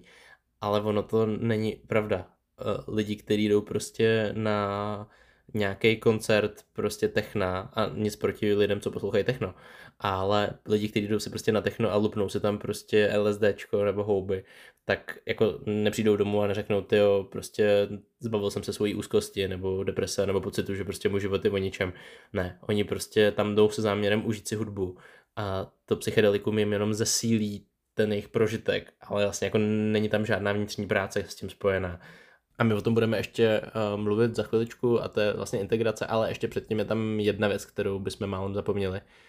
A ta je za mě teda strašně důležitá a to je pozice sitera. Siter je ten druhý člověk. To je to vaše zrcadlo, který vám posílá tu reflection, ten odraz. A to je ten druhý člověk, se kterým sdílíte ten trip a on je tam pro vás. On tam s váma pracuje. On je ten šaman, on je ten coach. V běžném prostředí je zase teda označovaný vlastně člověk, který tam je a zajišťuje vám to bezpečí. V běžné praxi to funguje tak, že většinou si, ter, si tu látku nedává, anebo když už tak si dává opravdu jenom jako úplně minimální množství, aby byl schopný vám zajistit to bezpečí. Ale jako ve většině případů jsou to lidi, kteří si to nedávají v té naší metodě, jelikož já už jsem tu zkušenost měl dostatečnou, abych věděl, co s tím dělat a abych byl schopný uřídit i případně tu Lindy část, nebo aspoň jako poskytnout to bezpečí, tak já jsem to využíval právě tímhle tím způsobem, jak teď Linda popisovala tím šamanským způsobem, kdy já si dávám taky a jsem vlastně jakoby o to víc napojený na ní v tu chvíli i když ne vždycky, potom ty tripy už pozdější byly o tom, že já jsem byl ten, kdo poskytoval to bezpečí, my už jsme si to potom jako vlastně poskytovali později oba dva zároveň, ale to bylo až jako delší dobu potom, co ta hranička postupně vymizela, protože nepřestali jsme úplně tripovat po tom, co ta hranička vymizela. Opravdu jsme zjistili, že jsou jako další věci, které potřebujeme jako si ještě jako hojit, léčit. A vlastně oba dva z nás, protože do té doby to bylo hodně o tom poskytnout té Lindě a té její hraničce tu možnost se vlastně jako douzavřít. Každopádně u nás to tak uh, bylo, že jsme do toho šli oba a já jsem přesto byl schopný zajistit to bezpečí a ještě se vlastně o to líp nacejtit na ty stavy a na to podvědomí té Lindy a byl jsem schopný ti vlastně poskytnout to bezpečí a vlastně těma otázkama i jako otevírat ty věci, vytahovat je z toho podvědomí. Ale v tom klasickém slova smyslu si tady je většinou jenom ten, kdo poskytuje to bezpečí. U nás to bylo tak, že jsme to posunuli na tu úroveň, že ten sitar je ten, kdo poskytuje bezpečí plus poskytuje zpětnou vazbu, poskytuje náhled, poskytuje nějaký jako otázky, poskytuje tu pomoc, ten support, podporu. Tak to bylo na začátku, teď už si to tak jako střídáme, tak jak je potřeba, tak jak si to prostě v tu chvíli tady na situace jako vyžádá. Jak už tady padlo, tak eh, bychom chtěli opravdu dát velký důraz na integraci, eh, což je vlastně nějaká jako následná práce s tím tripem. Za mě integrace je prostě víc než půlka Jako rozhodně víc než půlka toho, jaký ten trip může mít dopad, hmm. jako pozitivní. Já bych to tady rád nastínil. Já mám, tak, já mám taky jako přirovnání. Představte si, že na tom tripu se vám prostě zpřístupní nějaký uvědomění, který vám najednou dává smysl, protože jste schopni se na to podívat jako z toho nadhledu. Jo, já nevím, třeba představte si, že třeba kouříte a najednou prostě si uvědomíte, že to kouření je váš únik před něčím. Je to prostě něco, co jste si někde kdysi prostě v té pubertě vzali, abyste se třeba vyhli nějakým vzpomínkám na to, co se děje doma špatného. A už vám to prostě jako zůstalo jako to, co děláte ve chvíli, kdy jste ve stresu. To je docela jako běžná věc, lidi tím jako hodně utíkají. A teď vám to jako vlastně došlo. A najednou se nám to začíná trošku hnusit poprvé v životě a vlastně cítíte, že jste možná schopný přestat kouřit.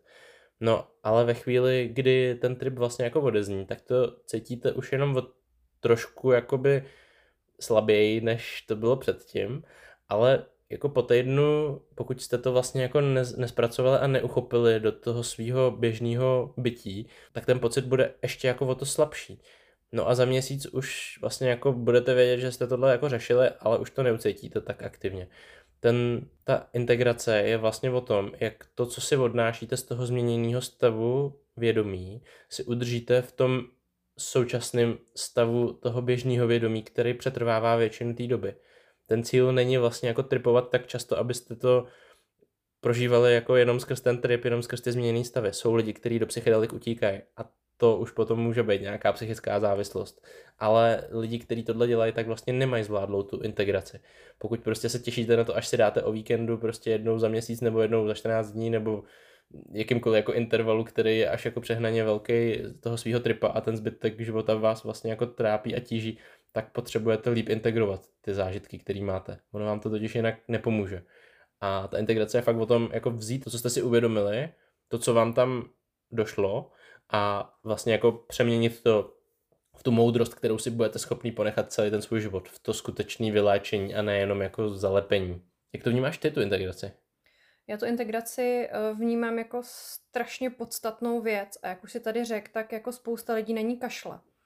A nejsou to jenom jako lidi, kteří mm, jako s tím chtějí jako pracovat, ale jako neumějí nebo neví vůbec o nějaké integraci, ale jsou to jako i lidi, kteří běžně používají jako medicíny, třeba jako ty šamani, který teďka poskytují spousty těch terapií tou, nebo terapií, prostě jako zážitky tou ayahuaskou. Tam jako přijdete, oni vám to jako dají a teď vy tam máte nějaký ten prožitek a tím to končí, jako bye, jako obejmete se, všichni se máte jako strašně rádi, ale tím to končí. A za měsíc už je to jenom fotka A za měsíc je to prostě fotka.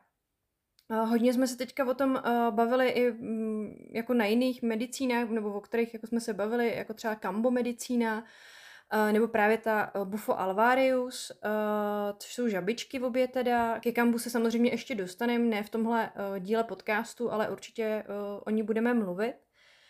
Ale my jsme vlastně zjistili, že ta integrace je strašně opomíjená a že mnohdy ta integrace, pokud vůbec nějaká je, tak uh, je jako v minimální míře a spíš jako o tom, že ty lidi na, jako ze sebe vysypou jako vizuále, který viděli a jak to bylo jako hustý a jak se dotkli prostě ve smíru a jak se cítili jako napojený a... Vědomí je vlastně láska. Jo, jo, přesně. Vysypají ze sebe tyhle sty v tu chvíli jako intenzivní prožitky a mají pocit, že integrovali. To je ale jako sdílení toho prožitku to není integrace. Integrace je opravdu jako vědomá práce s tím, co ten trip vám jako vytáh, co vám ta medicína ukázala, proč vám to ukázala a jak s tím máte pracovat. Ona vám to jako otevře, máte právě náhled pod tu kosku toho ledu, ale jako ono se to tam samo nepřešoupe, ono se to tam samo jako nevybarví, ono se to tam samo nepřeskládá, to musíte udělat vy. A to není práce, kterou děláte vyloženě na tom tripu, ale je to práce, kterou děláte tou integrací. A pro mě je integrace jako, jako základ kvalitního tripu. Aby to, protože trip není jenom to, že si to prostě fakt jako lupnu a 8-12 hodin nebo prostě různě dlouho podle toho, co máte za látku, prostě uh, jedete na té vlně. Hmm a v té flow, pak to skončí. Jo, práce fakt začíná teprve, když ten trip končí. Jo, začátek tripu je tohle a pak ten trip jako je ukončený jako třeba x, jako i týdnů prostě potom, protože vy celou tu dobu byste měli integrovat, pracovat s tím, zvědomovat si ty záměry a opravdu jako ideálně s tím siterem, ten člověk, který tam s váma jako byl, který tam u toho jako byl přítomný, jste se v tom jako pohrabali. A proč je pro mě integrace tak strašně důležitá, je to, že mě vlastně s Matějem zabralo rok se ty hraničky zbavit. Jí prostě vyléčit. Byly to čtyři tripy, ale mezi těma čtyřma tripama to byla prakticky skoro jako denodenní práce. Jo, ona je to jako mravenčí práce, protože... Nebylo to jako 8 hodin denně. To vůbec, jako člověk ale něco udělá nebo něco řekne a ten druhý mu to jako zvědomí, pinkne mu to a jasně. Teď ve vás to začne nějakým způsobem pracovat, pak je dobrý o tom jako začít jako mluvit. A takových jako drobností a maličkostí se stane jako za den jako dost a abyste to správně uchopili a správně s tím pracovali, tak je dobrý tyhle věci si zvědomovat. A já si myslím, že jako za rok se zbavit něčeho takového je prostě jako wow. Já to řeknu ještě jednou. My jsme se za rok zbavili hraniční poruchy osobnosti. Ano. Která ani vlastně jako není oficiálně jako léčitelná, je zlepšitelná. Ale ano, ona je léčitelná, jako všechny nemoci. Ale nám se fakt jako povedlo tou prací a bylo to prostě třeba hodinový sezení, jako několikrát týdně, kdy jsme vlastně jako koučovali, ale jeli jsme v tom, co ten trip otevřel vždycky aktuálně k tomu poslednímu tripu, který jsme prožili. Občas se nám prostě propojily ty věci z těch předchozích zážitků a dalo to jako hlubší smysl. Ale opravdu to bylo o tom, že jsme si to odmakali. A jasně, někdo může prostě říct, vám to takhle dobře fungovalo, protože Matěj je partner Lindy, teda teď už dokonce manžel. Ale ono to jde i jako jinak. Nemusí to být nutně partner. Samozřejmě, jako je těžký najít prostě dobrýho psychoterapeuta nebo psychologa nebo psychiatra, který bude s tímhle umět pracovat. O tom jsme se už bavili. Ale těch pár lidí jako fakt je, když je budete hledat. A nebo i my vlastně jako rádi pomůžeme lidem s těma problémama.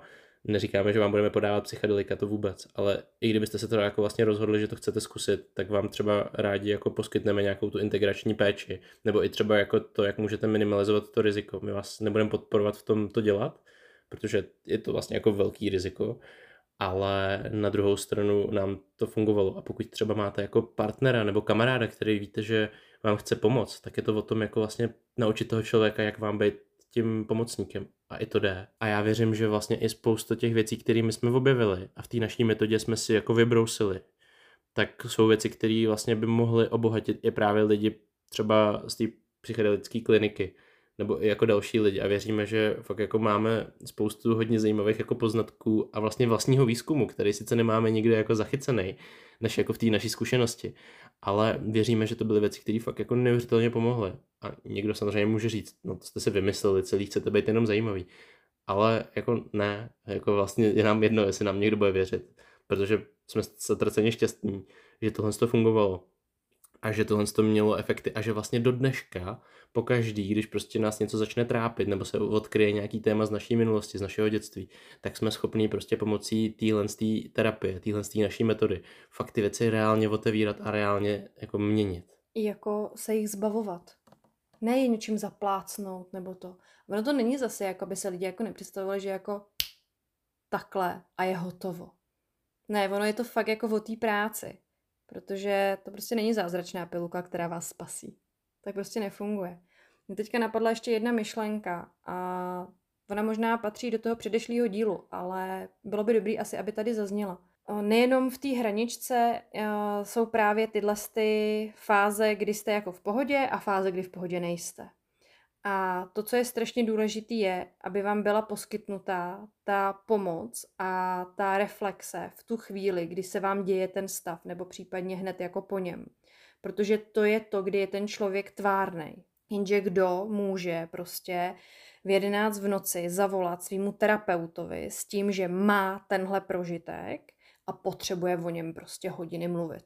To prostě jako nejde. Takže ano, já mám obrovskou výhodu, že můj siter je můj manžel, můj partner. Je to skvělý, je to úžasný, je to boží, ale je pravda, že to není jako jediná cesta. Pokud máte někoho blízkého, kdo vám s tím chce pomoct, tak i ten člověk tam může být. A takových lidí, jako je, hele, kdyby se cokoliv za, jako dělo, tak mi zavolej. Takový kamarádství jsou prostě. Hmm. jo, nebo jsou to sourozenci, nebo je to jako rodič dítě, je to úplně v pohodě. Uh, nemusíte být zrovna jako milenci, partneři, jde to, ale je dobrý vědět, jak na to. A pokud byste to někdy jako potřebovali uh, s někým jako probrat, tak my tu vlastní zkušenost opravdu máme. My to nemáme vyčtený. My jsme si to prostě lajsli vyzkoušet sami. Já, kdo mě zná už nějakou delší dobu, tak ví, že já nedokážu doporučovat věci, které jsem si nevyzkoušela na vlastní kůži.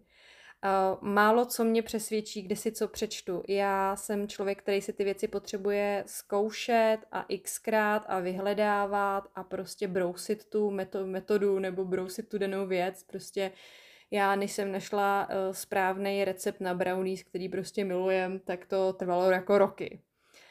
A dost podobně to mám prostě ve většině věcí.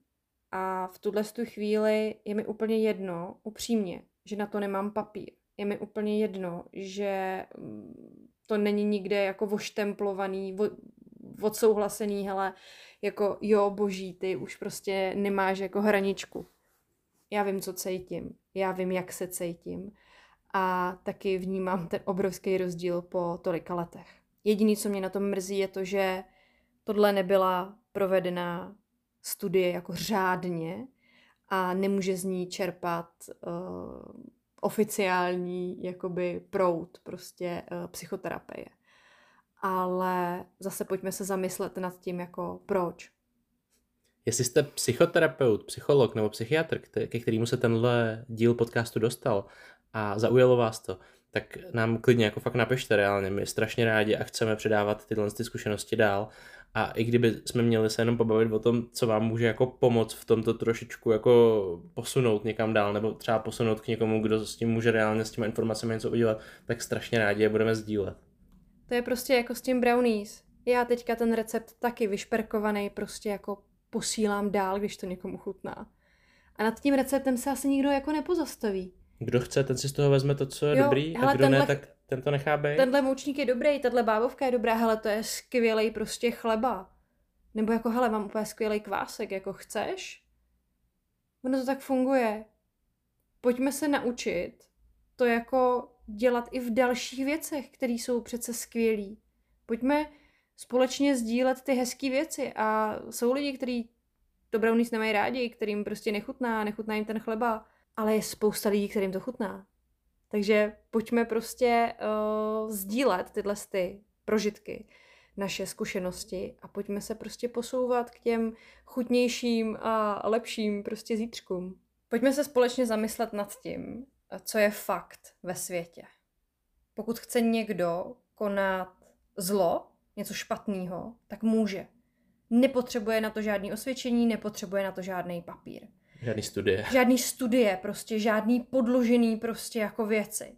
Ale ve chvíli, pokud chce člověk pomáhat, máš to vystudovaný, máš na to štempl, je to zkontrolovaný, je to bezpečný, co je v tom za logiku? Protože mně je úplně jedno, jestli člověk, který uh, mi umí pomoct prostě s nějakým autoimunitním onemocněním, je šaman, který volizuje žáby, nebo je to prostě, nevím, tamhle prostě druid, který sundavá jímelí nahej prostě ze stromů a nebo je to lékař, který prostě tady sedí v kravatě a mně je to úplně jedno. Ale je to člověk, který mi může pomoct, který mi může ulehčit, který mi může udělat prostě hezký život. A mně na tom fakt jako nezáleží pro mě je důležité jako ten výsledek a to, proč to ten člověk dělá, ten záměr. Tak pojďme se na tohle trošičku začít dívat z té druhé stránky a pojďme to otáčet, protože to, aby byl člověk jako hodný a nápomocný, nepotřebuje mít přece podložený papírem. Pojďme udržet vlastně ten balans mezi tím rozumem, který v tuhle chvíli drtivě často převládá a drží nás zpátky a mezi srdcem který dost často neposloucháme. A není to o tom, abyste jako dělali nerozumné věci, o tom žádná, ale je to o tom vyvážit to, protože je hrozně hloupý a zbytečný, když nás ten strach jako drží zpátky od toho, co by nám mohlo skutečně pomoct. A jak říkáme, tyhle ty věci jako nejsou samozřejmě vždycky jako jednotvárný a jednoznačný, ale pojďte trochu jakoby do toho zapojit jako všechno. Pojďme to trošku hodit do toho balancu. A by the way, když budu potřebovat odoperovat slepák, tak ano, chci, aby mi ho operoval člověk, který už to někdy dělal, dělal to úspěšně a ideálně to prostě vystudoval. Ale pokud mi jako bude úplně vyloženě okejhák a budu na nějakém ostrově a tam bude člověk, který prostě se bude snažit mi pomoct a bude to moje jediná šance, whatever, klidně. Ale tohle je jako můj pohled a já díky tomu, co mám za sebou a díky tomu, co jsem si všechno jako prožila a stihla jsem za těch pár let v životě naschromáždit, mám možná pro spoustu lidí jako dost jako odvážný pohled na svět. Ale já věřím, že když na tom budeme pracovat, tak můžeme být odvážní a otevření jak hlavou, tak srdcem všichni. Takže tolik za nás. Eh, my jsme fakt nečekali, že to bude ta terapie na té substanci takhle úspěšná. My jsme si dělali jakoby naděje, že se to jako zmírní, eh, že se třeba jako prodloužejí ty časy mezi těma epizodama, že to třeba nepůjde do takových jako hlubokých jako projevů a těch fyziologických propisů, ale my jsme začali vnímat změnu nebo různé jako změny po každém tom tripu, což prostě byl jako obrovský wow efekt.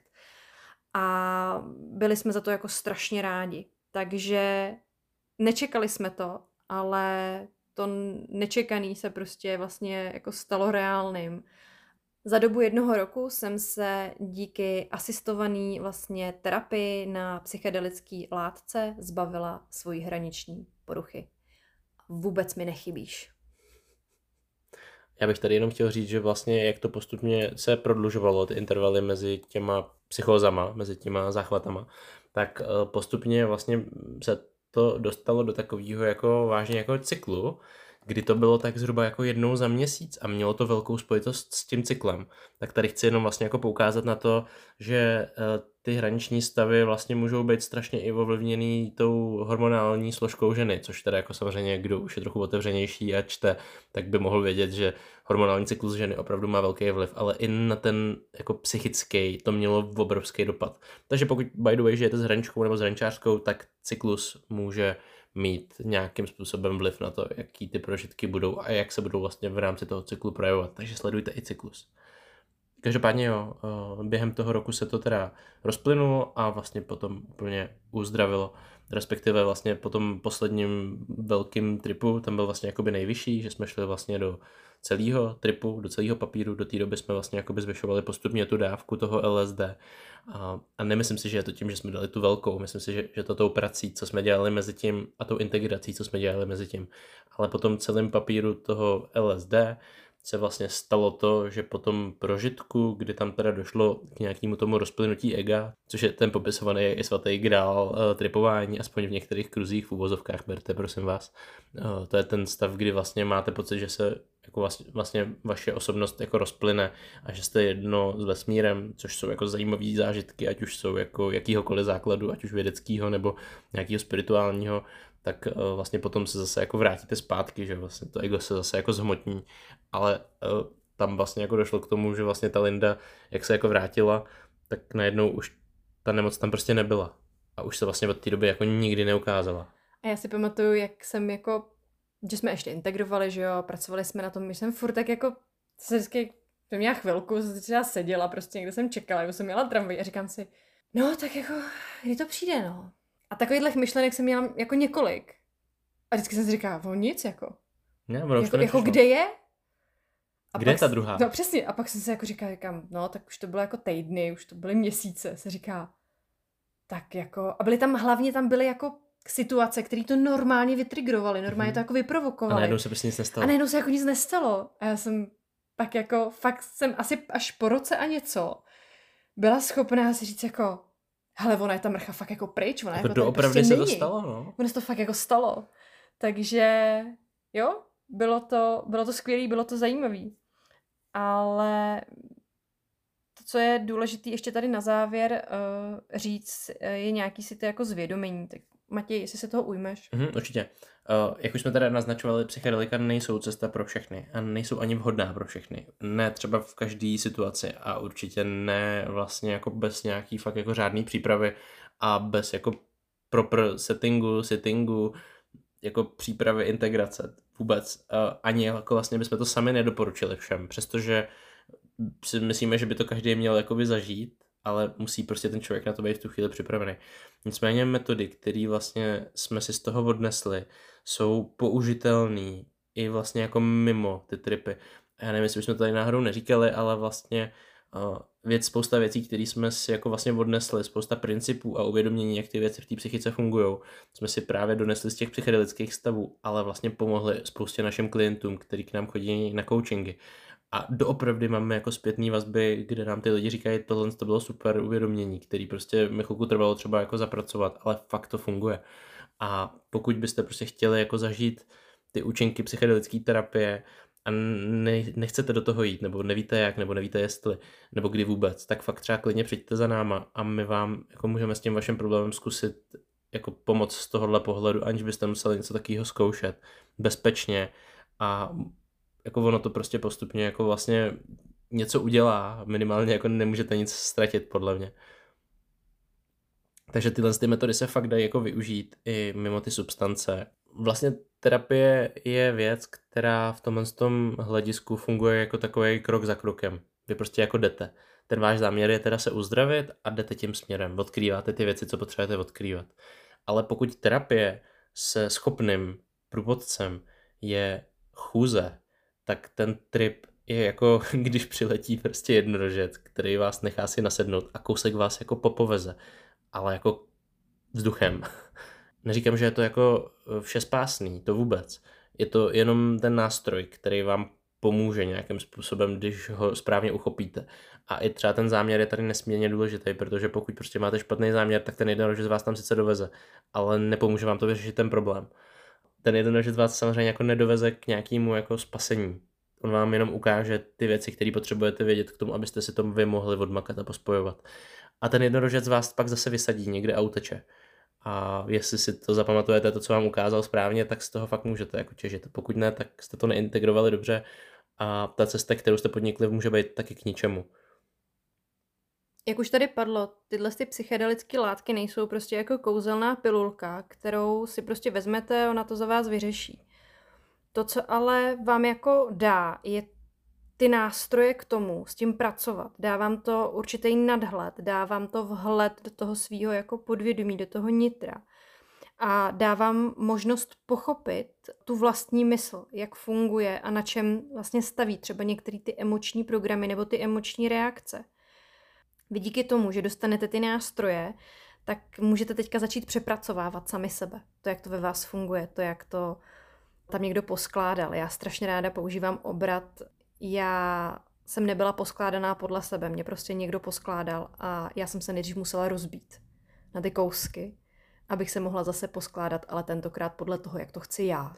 A nebo by se taky dalo říct, že se Linda musela ztratit, abych aby se mohla, mohla najít. Zase najít. jo, přesně tak. Uh, takže ono to za vás prostě nic jako nevyřeší. Ono vám to ukáže a to, jak s tím budete pracovat, je jenom na vás. A to, co je strašně důležitý, kromě tohohle, je, že to bude fungovat pouze za předpokladu, že jste v bezpečném prostředí, v dobrém rozpoložení. Máte tu práci sami se sebou fakt jako na vědomí úrovni a jdete do toho s člověkem, který je pro vás tam tím parťákem, tím zrcadlem, dělá vám tu reflexi, ten odraz váš, dává vám tu zpětnou vazbu a podrží vás prostě v té situaci, kdy to potřebujete. To, co jsme navnímali vlastně z těch přednášek České psychedelické společnosti a Psionu a všech těchto z těch institucí, které se zabývají tou popularizací a, a vlastně jako šířením psychedelik a psychedelicky asistované terapie, tak mm, jsme jako vlastně nabili dojmu, že je to všechno strašně v plenkách. A přestože některé věci jsme z těchto z těch poznatků a údajů čerpali, tak mám pocit, že a tady opravdu jako berte to čistě, že to je jako můj anebo vlastně náš pocit, že to takhle vidíme, protože je možné, že některé informace nebo věci se k nám nedostaly a my jsme s těma lidma nemluvili na takový úrovni, aby jsme vlastně byli schopní říct, že máme ty informace od nich přímo. Jo, jako nebyli jsme s nimi někde sedět na kafi a probírat s tím, jak terapeutíme. Hmm, přesně tak. Ale vlastně jako náš pocit a pokud jakoby se to dostane k někomu takovému, tak nám klidně jako dejte vědět, že se třeba pleteme a my se rádi jako to uvedeme na pravou míru, jak to je. Nebo klidně, jestli někdo z psychedelické společnosti nebo něčeho takového by chtěl být. na kafe, tak. Jo, jo. A nebo kdybyste chtěli hostovat náš podcast, tak moc rádi uh, vám dáme jako možnost tohle to pustit mezi naše posluchače. Budeme strašně rádi a byli bychom rádi i za jakýkoliv jako networking, za jakýkoliv kontakt. Každopádně ten náš dojem teda je takový, že je to fakt hodně v plenkách a je to vlastně jako dost nedotažený a jsou tam věci, které jako máme jako typy, které by podle nás to mohly posunout a jako vlastně zlepšit to, anebo minimálně jako ten systém jako trošku přepracovat nebo zdokonalit, poslat tam pár jako myšlenek. Takže kdyby byl někdo takový, kdo to chce jako poslat nebo zná někoho, kdo by to jako ocenil, tak budeme rádi, když nás propojíte nebo když nám dáte vědět, nebo když dáte vědět a pošlete ten podcast, eh, tady tu epizodu konkrétně, nebo tyhle ty dvě epizody konkrétně eh, někomu, kdo by to měl slyšet a třeba se nám ozvěte, fakt jako budeme rádi. Vlastně jako nechceme nikoho kritizovat, nechceme nikomu ubližovat, nechceme nikoho jako schazovat. Naopak chceme vlastně asi všichni to stejný. Chceme zlepšit obecný jako zájem a obecnou jako dostupnost informací a vlastně jako obecný směr, kterým by se měla ubírat vlastně první pomoc v rámci psychického zdraví. Vlastně nám jde jenom o to, jako vlastně obohatit další lidi. A ať už nás znáte, nebo jenom posloucháte náš podcast, nebo k nám chodíte na coaching, nebo prostě se to k vám dostalo jenom skrz nějakou skupinu na Facebooku, kam to občas házím, kdyby to třeba někoho jako zajímalo, tak chceme, aby vás to obohatilo, abyste si z toho něco odnesli u spousty lidí jsme se právě třeba na různých forech setkali s tím, že mají třeba právě problém s tou integrací, což je jedna věc, kterou my začínáme pomalu jako nabízet, jako jednu z našich služeb.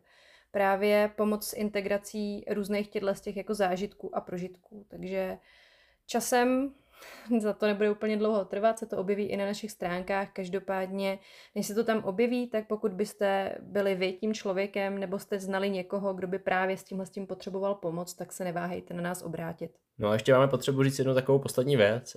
Pokud tohle to odhalení toho, že vlastně užíváme v uvozovkách drogy, protože fakt to jako nevidíme jako drogy a neužíváme to za tím účelem, aby nám bylo dobře. I když vlastně jako by jo, ale ne jako v tu chvíli, kdy je užíváme, ale spíš jako dlouhodobě.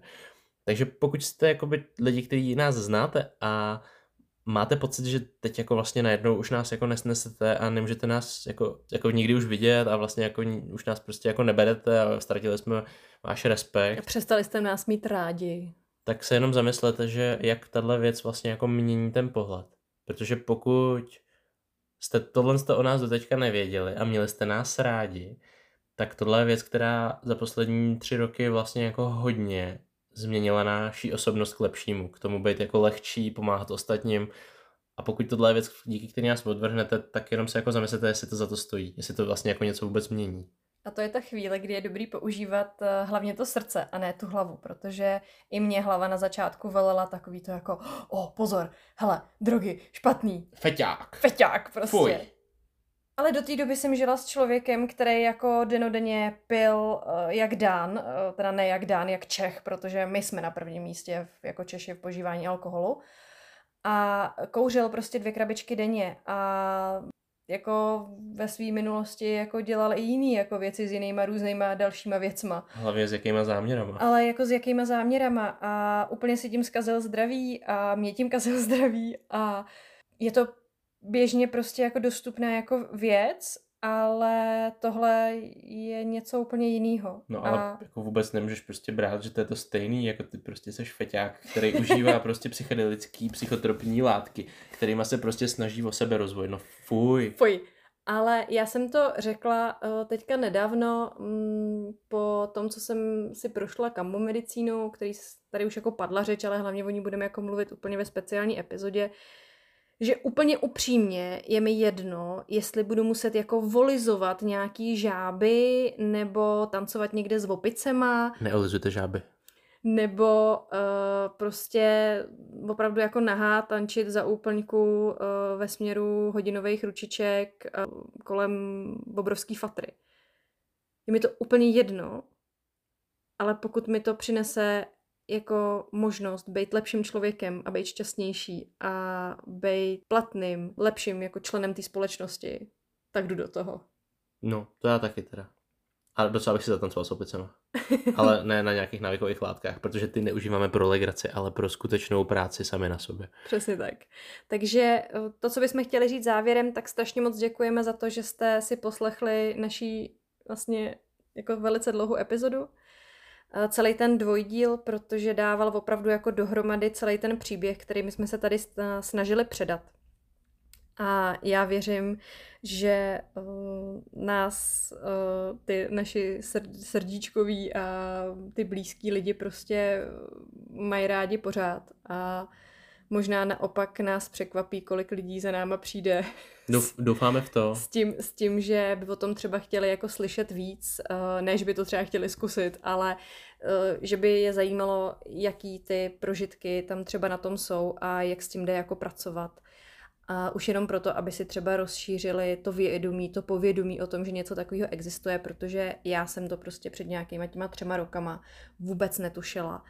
A jsem moc ráda, že mi tohle bylo jako otevřeno a že jsem byla jako, měla tu možnost vůbec s tím pracovat. A znova a opět zbavila se hraniční poruchy osobnosti. Yes. Hmm. Já tady potřebuji ještě říct to, že i mě vlastně psychedelika hodně pomohly a pomohly mi fakt jako zbavit se věcí, o kterých jsem, jak říkám, nevěděl, netušil, jak hluboko jako sahaj. Traumat z dětství, traumat, který jsem si jako nesl, toxických návyků chování, který prostě jsme vůči sobě s Lindou měli i v rámci toho prožitku té hraničky. A fakt nás to pomohlo jako očistit a stmelit. A vlastně spousta těch principů, o kterých mluvíme, jsme si fakt odnesli z těch zážitků a z té integrace, jak je jako předávat dál a vlastně o tom, že chceme ten svět měnit k lepšímu, že chceme vytvářet zdravější prostředí pro nás, pro všechny, protože jsme součástí jednoho velkého vesmíru a EZO, ne EZO, je to prostě o tom jako být tady pro druhý, ale zároveň hlavně sami pro sebe a to je věc, který nás ty psychedelika vlastně naučili. Je důležité si uvědomit, že ty psychedelika jsou jenom zesilovač a to, co je vlastně ve vás, ta vaše touha, ten váš záměr, je to, co to dokáže vytáhnout z vás. A o ničem jiném to není. Je to prostě jenom další nástroj, na který prostě bylo pohlížený hodně blbě. Některý lidi to do dneška vidí, některý lidi to do dneška vnímají, ale je to o tom, co si vyberete v tom vidět. A pokud ty nástroje využíváte dobře, může vás to hodně posunout. A Lindu to posunulo neskutečně, mě to posunulo neskutečně. A nebudeme vyprávět asi o těch tripech konkrétních, i když teda je co vyprávět, to je asi spíš na nějaký jako soukromý sdílení, kdyby vás to hodně zajímalo někoho. A nebo když nám třeba napíše dost lidí, tak možná třeba nějaký ty zajímavější tripy můžeme jako zpracovat a natočit o nich ten podcast, jaký to je, jaký jsou ty prožitky, co se tam manifestovalo jako jeden teda z těch prvních, ten byl teda něco. No, nebudu to tady prodávat, kdyby vás to zajímalo, napište. A když vás napíše dost, tak eh, o tom třeba natočíme i epizody podcastu. A i pokud vlastně jako by, by, by, to bylo něco, co vás vlastně jako do toho podcastu moc nezajímá, tak nám taky dejte vědět. My jenom budeme vědět, že o tom budeme mluvit jenom s těma, kteří se na to zeptají třeba osobně. A uh, určitě ty psychedelika jako nejsou vlastně jako něco, o čem bychom už nikdy nemluvili, protože za nás to má obrovský potenciál, ale samozřejmě to neznamená, že teďka ta druhá série bude jenom o psychedelikách, to vůbec. Ani náhodou. Máme spoustu dalších témat, o kterých chceme mluvit už teda se dostáváme do té fáze, kdy se rozloučíme pro dnešek, protože ta epizoda bude už vlastně dost dlouhá, když na to teď koukám. Tak a pokud vás třeba tohle téma oslovilo nebo vás eh, bavil tenhle ten podcast, tak nás klidně můžete sledovat na Instagramu nebo nás začít poslouchat kromě Spotify, Apple Podcast eh, nebo třeba na YouTube. Budeme moc rádi. Každopádně tahle epizoda je u konce. My vám strašně moc děkujeme za pozornost a přejeme vám krásný zbytek dne. Tchau. Tchau, tchau.